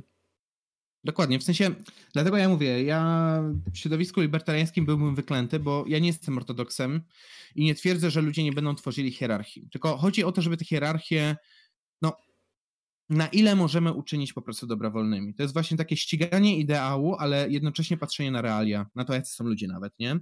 No tak samo można powiedzieć, że jestem akapkiem wyklętym. Akap wyklęty przez Rodbarta zakręty. Tak, akap wyklęty w grabieniu liści zakręty. nawet lepsze. Dobrze, jeszcze e, przeleśmy przez kilka takich szybkich pytań, bo przyznam szczerze, nawet dobrze się rozmawia, chociaż będzie dłuższy materiał, ale niech będzie. Um, bardzo szybko chciałbym odpowiedzieć na pytanie Michała Iwankiewicza, bowiem pyta tutaj o coś takiego. Zaznaczył, że co jakiś czas na Facebooku pojawiają się posty jakichś lewicowych myślicieli, którzy uważają, że przez podły kapitalistyczny system, który teraz jest w ciągu e, który teraz jest w ciągu x lat, czeka nas tak potężny, dobra, jakiś błąd składniowy, nieważne. No, chodzi o to, że w najbliższe kilka lat przez błędy tego kapitalistycznego systemu czeka nas potężny kryzys, wszystko się, cytuję, zjebie na ryj. Stąd moje pytanie do Cezarego, czyli do mnie, jako studenta ekonomii, czy uważasz, iż coś takiego może mieć miejsce i będzie to spowodowane taką formą polityki gospodarczej? Powiem tak. Austriacka teoria ekonomii bardzo pięknie wyjaśnia, czym jest kryzys. To znaczy, kryzys jest czymś absolutnie naturalnym w gospodarce, bo to jest system korekcji błędów. To znaczy, nagromadzi się w gospodarce bardzo dużo błędnych inwestycji, źle wydanych pieniędzy, fałszerstw nawet. Pamiętajmy na przykład, że kryzys z 2001 roku, ten związany z branżą IT, wynikał w dużej mierze z fałszerstw, że ludzie obiecywali gruszki na wierzbie, że nie wiem, wyrzucą na przykład ci firmę do internetu i będziesz zarabiał kokosy i nie umieli tego spełnić. Więc jak się nagromadzą te fałszerstwa i w końcu ktoś po prostu krzyknie na głos sprawdzam, i to wywołuje lawinę sprawdzania, się nagle okazuje, że nie wiem, pewne inwestycje wywaliśmy w błoto na coś, co nic nie, nie, nie przyniosło zwrotu, tak? Albo się okazało, że nie wiem, jakieś firmy, nie wiem, oszukiwały nas na temat swojego stanu finansowego. W związku z tym każdy system, tylko w różnym tempie, dotknie kryzys. Um, tylko czy może pojawić się kryzys, który tak naprawdę wszystko sprowadzi nam do parteru, wyrówna ziemię aż za bardzo? Powiem tak, ja bardzo w to wątpię. Bardzo w to wątpię. Znaczy nawet najpotężniejsze kryzysy, takie jak ten z 2000, 2000, 1929, które przecież w niektórych krajach, w niektórych krajach produkcja przemysłowa powróciła do produkcji sprzed 29 roku w latach 50. czy 60. Ale wciąż wróciliśmy do tej produkcji. Tylko właśnie co Austriacy zaznaczają, bardzo często ten powrót do normalności jest utrudniany przez interwencję państwową, która jest po prostu błędna. Bo zamiast pozwolić rynkowi się oczyścić z błędów, to te systemy sprawiają, że właśnie zaburzamy te aspekty, które powinny być oczyszczone. Na przykład wpompujemy kasę w jakąś dziedzinę i nagle ona się wydaje opłacalna, ale tak naprawdę ona nie stała się, nie wiem, lepsza, wydajniejsza, tylko po prostu rząd tam wrąbał dużo kasy i tyle, tak? Albo na przykład powinniśmy oczyścić jakieś firmy z błędów, tak? Po prostu albo je usunąć z rynku, albo one muszą się głęboko zrestrukturyzować, ale pojawi się za chwilę jakiś mm, geniusz rządowy, który stwierdzi, nie, te firmy są strategicznie ważne, my je będziemy chronić. No to ten rynek się nie będzie oczyszczał zwyczajnie, tak? I ten proces się znowu przedłuży. W związku z tym powiem tak, bardzo wątpię, żeby wywołał się kryzys, który zniszczy społeczeństwo, tylko ja bym zaznaczył inaczej. Przy okazji kryzysów pojawia się dużo niepokojów i napięć społecznych. I to jest tak naprawdę tu główne zagrożenie. I to mogłoby doprowadzić do, no właśnie, katastrofy. Dlatego jako taki, jako ekonomista bym zalecał tak. Starajmy się albo jakoś zdroworozsądkowo prowadzić interwencję, to znaczy właśnie nie może, nie ingerujmy w instrumenty rynkowe, tylko na przykład, nie wiem, odchudźmy rząd. Tego się nie robi. Przy ostatnich kryzysach praktycznie w ogóle się tego nie robiło. Wręcz na e, odwrót. Dokładnie. Może powinniśmy przemyśleć um, pewne polityki, prawa, jakiś system dostroić, żeby w przyszłości nie powielać pewnych błędów, tak jak po kryzysie w um, 2008 roku Amerykanie zabronili, znaczy amerykański rząd wreszcie zrozumiał, że musi zabronić um, takiego swobodnego obracania aktywami zadłużonymi i na przykład odsyłania ich do spółek córek, żeby zdobywać sobie niższe oprocentowanie, bo firma wtedy wypada jako no, czystsza, że tak się wyrażę, mająca mniej brudnych aktywów, więc zasługująca na wyższy rating kredytowy. Um, powiem tak. Um, zwyczajnie moim zdaniem tutaj, to, to zabrzmi trochę ideologicznie, ale naprawdę szczerze w to wierzę i mógłbym to przedstawić, gdybym miał troszeczkę więcej czasu. Zwiększenie ilości wolnego rynku we współczesnych systemach sprawiłoby, że kryzysy przechodziłyby o wiele szybciej, łagodniej, nie ryzykowaliśmy właśnie, nie ryzykowalibyśmy właśnie tym aspektem, o którym tutaj mówię, czyli wywoływaniem nie, głębokich niepokojów społecznych związanych z długim lub nieefektywnym wychodzeniem z kryzysów, tak? Także mm, to nie jest wina do końca samej ekonomii, to jest troszeczkę wina systemu i wina no, psychiki ludzkiej, tak? Więc jeśli ekonomicznie możemy tak jakby złagodzić te okresy przejściowe, zróbmy to. Zyskamy na tym zwyczajnie. Się zabezpieczymy się przed tym, żeby, nie wiem, jak to lubią lubić, jak to mu, lubią mówić ludzie z niebieskiej ćwiartki, nie wywołamy wojny rasowej. No. Um, to taki ekonomiczny komentarz. Ale chciałbym jeszcze tutaj bardzo szybciutko przelecieć przez kilka komentarzy, znaczy właściwie przez jeden i jeszcze jeden potem ty tak pewnie poruszysz, zapowiesz go przynajmniej. A, tak. Pozwól, że odniosę się do komentarza pana Zaweckiego. Tutaj um, Powiem bardzo, tak, nie bardzo... czytajmy go, bo jest bardzo długi. Tak, ale bardzo dziękuję tutaj za ciepłe słowa w naszym kierunku. Bardzo nam miło, że właśnie mm, no dostrzega pan powiedzmy tutaj właśnie jakąś merytoryczność i że na przykład oddzielamy Chiny od Chińczyków. Przyznam szczerze, że kiedyś popełniałem błąd. Na przykład takie, wiesz, utożsamianie Chin z Chińczykami, tym, czy na przykład Rosjan z Rosją, tak?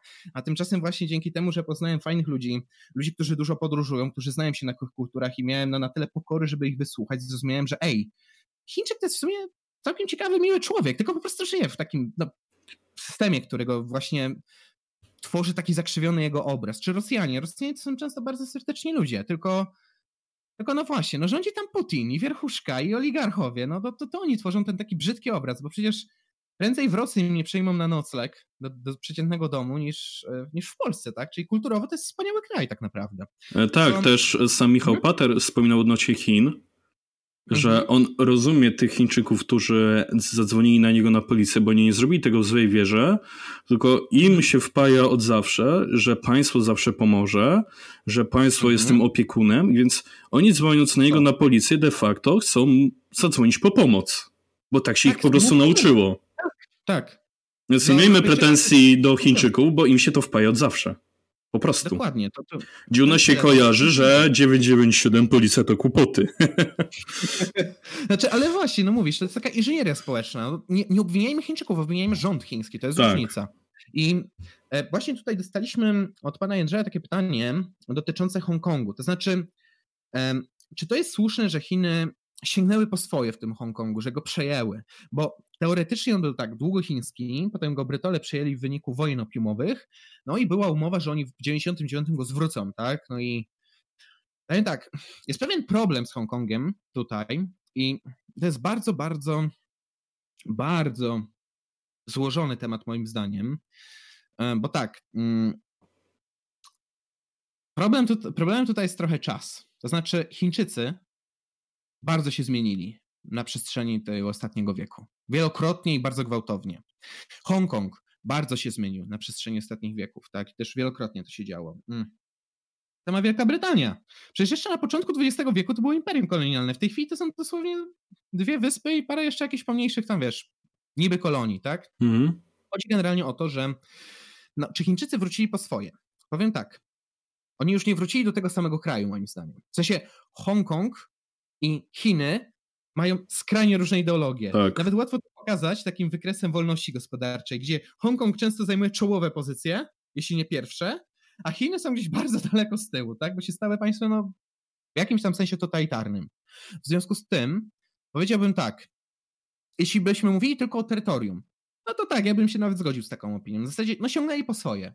Ale to już nie, to nie jest tylko, właśnie, nie powinniśmy myśleć o państwach tylko jako terytorium. To jest też pewna kultura, ludzie, system gospodarczy. Pamiętajmy, że oni sięgnęli też po to i fakt, że wybuchły tam te protesty, pomimo tego, że Chińczycy tam przepchnęli wreszcie to prawo bezpieczeństwa, a mieszkańcy Hongkongu wciąż nie chcą złożyć broni, pomimo że teoretycznie ich walka jest bezsensowna dalej, to pokazuje, że te kraje się mocno od siebie oddzieliły i myślę, że dużo zdrowszym podejściem byłoby, no albo utrzymanie tej kompromisowej autonomii, która przecież tam była przez ostatnie lata i było w miarę spokojnie. Tak. Były jakieś tam drobne spięcia, ale było w miarę spokojnie. Albo wręcz zostawienie Hongkongowi, no bycie samemu sobie. Tylko powiem tak, Chiny mają zbyt wysokie ambicje i one ciągle rosną, bo one chcą się stać po prostu pierwszą światową potęgą i chcą pomachać tam szabelką przysłowiową. Natomiast um, natomiast sam Hongkong, no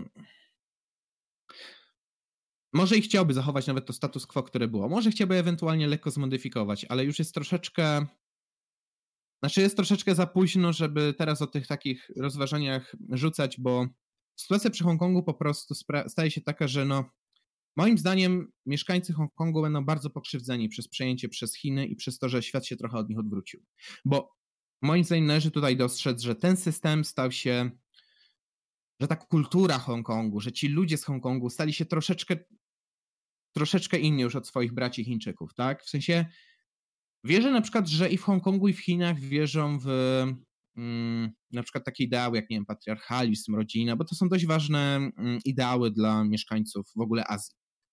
Ale jednocześnie zauważyłbym, że zupełnie inaczej już to postrzegałem. To znaczy na przykład Hongkong powie, że rodzina jest bardzo fajną komórką, powinno się ją zostawić samą sobie, żeby to ona sama sobie stworzyła takie warunki, jakie chce. Tymczasem w Chinach stwierdzą, że rodzina powinna być taka jak państwo, bo państwo dobrze chce dla rodziny.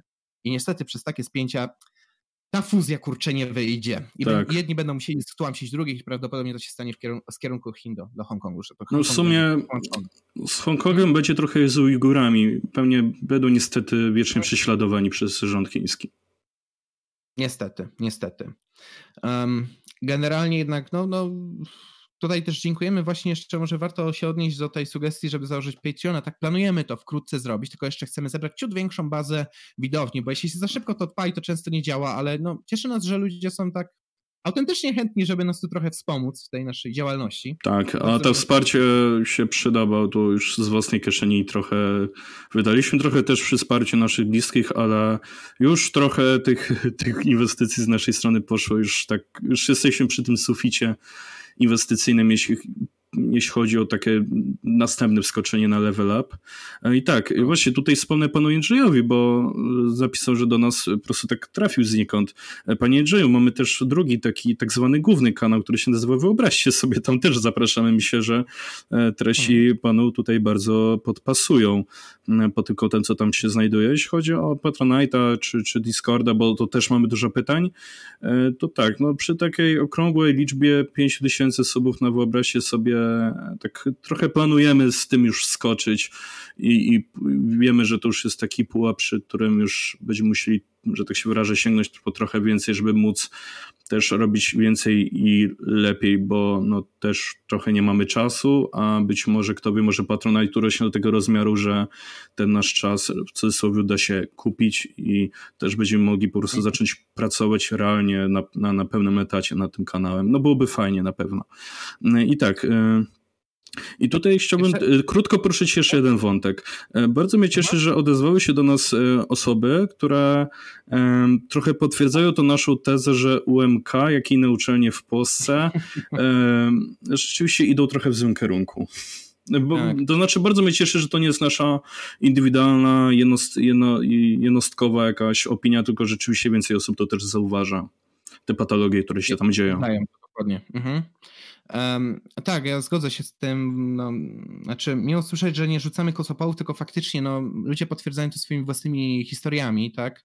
Um, no i oczywiście to nie tak, że my chcieliśmy, nie wiem, już stworzyć jakiś zamach, tak, na, na, na władzę, czy cokolwiek, czy, czy nie wiem, pod, pod, pod, jakby pod, podkopać autorytety Uniwerka, no bo autorytet Uniwerka jednak jakiś powinien mieć, ale... Czarku, sorry, że wtrącę. Zamach to bardzo złe słowo, biorąc pod uwagę, że raz mieliśmy bardzo poważny alarm bombowy tak. i sprawdzono wszystkie wydziały przez parę dni. To jest bardzo złe słowo. To prawda, ale mm, chciałem po prostu powiedzieć, że miło, być, miło się poczuć jako taki troszeczkę głos ludu, to znaczy no wyrażamy to, co dzięki kanałowi jest dla nas no, możliwe do wyrażenia, a dla pojedynczego człowieka, no to najwyżej wiesz, w rozmowach w towarzystwie można coś takiego rzucić, tak? Ja jeszcze bym tylko zaznaczył, jeszcze tak na sekundkę wracając do kwestii Discorda czy Patronite'a, tutaj e, jeden z naszych widzów, czy ciekawa osobowość, zapytał, um, czy, znaczy zaproponował swoją pomoc jako moderator, jak będziemy zakładać Patronite'a. Powiem generalnie tak, bardzo dziękujemy za um, zgłoszenie się, ale że jeszcze troszeczkę nam brakuje do rozpoczęcia, to powiem tak, my będziemy to na pewno ogłaszać. Będziemy to ogłaszać na głównym kanale i pewnie też tutaj. W związku z tym, jak będziemy zagłaszać, że zaczynamy, e, jak będziemy ogłaszać, że zaczynamy przygotowania do stworzenia, po prostu zgłoście jeszcze raz i w ogóle wszystkich zachęcamy, żeby się wtedy zgłosili. E, bo, bo pomoc się przyda. Tak, znajdziemy ludzi, którzy właśnie może to bardziej ogarniają, nawet może bardziej przypilnują, bo prawda jest taka, że no, jak się prowadzi kanał, nie zawsze ma się dość czasu, żeby wszystkiego przypilnować, więc administratorzy, moderatorzy na pewno nam się po prostu przydadzą. Tak, i na pewno będziemy starali się nie popełnić błędu Szymona z Wojny Idei, który w ogóle na tym Discordzie nie siedzi, nic tam nie robi i to, to jest serwer, który się już tak zdegenerował, że aż z niego wyszedłem, bo ogłoszono mnie tam marksistą ostatnio, mimo że jestem akapem, więc ja stwierdziłem, że nie, nie, to, to co tam się dzieje, już tam zaszło za daleko, już nie chcę mieć z tym nic wspólnego, po prostu kulturalnie wyszedłem. E, więc e, na pewno będziemy ty, tymi, którzy jednak ze społecznością się kontaktują, rozmawiają i są obecni mimo wszystko. E, tak, I będziemy tu... robić jakoś regularnie. No, no, no. Tak, i na koniec chciałbym poruszyć takie dwie kwestie, tak już zupełnie na koniec, bo już dobijamy do dwóch godzin. Dzisiaj się trochę rozgadaliśmy. I tak, po pierwsze od Mikołaja Koperniuka dostaliśmy komentarz z pytaniem o, analizną, o poważną analizę polskiego rapu, a zwłaszcza tekstów w PEI. Powiem tak, bardzo chętnie, tylko chcielibyśmy do tego też zaangażować E, na pewno jednego mojego znajomego, e, którego serdecznie pozdrawiamy, e, Wojtka, hmm. z którym też zdarza mi się na temat rapu trochę poważniej rozmawiać i byłoby fajnie zrobić taki odcinek podcastu temu poświęcony. To jest z tobą, Czarko, osobą hmm. będącą trochę innego środowiska, który może też na to spojrzeć trochę z boku, więc myślę, hmm. że tutaj też może był, byłoby bardzo fajną rozmowę na ten temat przeprowadzić i tak, tak jak Czarek wspominał ostatnio, przyszłotygodniowy podcast to będzie de facto trochę taki, my to nazwaliśmy w cudzysłowie podcastem rocznicowym, ale chodzi o rocznicę kanału, wyobraźcie sobie. E, I tak, mhm. jeśli macie jakieś pytania dotyczące początków kanału, tego co się dzieje na kanale, jak wygląda, nie wiem, zaplecze, tego jak się dogadujemy, etc., etc., etc., tego co dotyczy się pracy Czarka, czyli jako prowadzącego, piszącego scenariusze, jak i e, mojej pracy, czyli będącego trochę gościa od, jak, jak sam to ująłeś, Czarek, trochę od networkingu i promocji, jednocześnie będącego producentem, montażystą, postproducentem, e, osobą, która też rzuca jakieś sugestie odnośnie tego, w jakim kierunku powinien iść kanał i tak dalej. Jeśli macie pytania tego, dotyczącego tego, to śmiało, bo przyszły tygodniowy podcast będzie się obracał tylko wokół tego. Znaczy głównie wokół tego. Może głównie tak, może jakieś pojedyncze, jakieś inne wątki, jak się coś wydarzy, chętnie poruszymy, ale głównie będzie to wokół e, tego, jak to wszystko powstało, jak to wyglądało. Będziecie mogli trochę zajrzeć od kuchni na kanał, e, więc no cóż, z mojej strony proces zapraszam do zadawania pytań. No dobrze, no to mm, faktycznie to jest dobry moment, żeby zakończyć. W związku z tym, jak zwykle, serdecznie dziękujemy za wysłuchanie nas. Przypominamy, podcastu słuchacie na YouTubie, na SoundCloudzie, na Spotify'u, Apple'u i Google'u. No i co? No, za tydzień słyszymy się już na rocznicę, także do zobaczenia. I do usłyszenia. Cześć.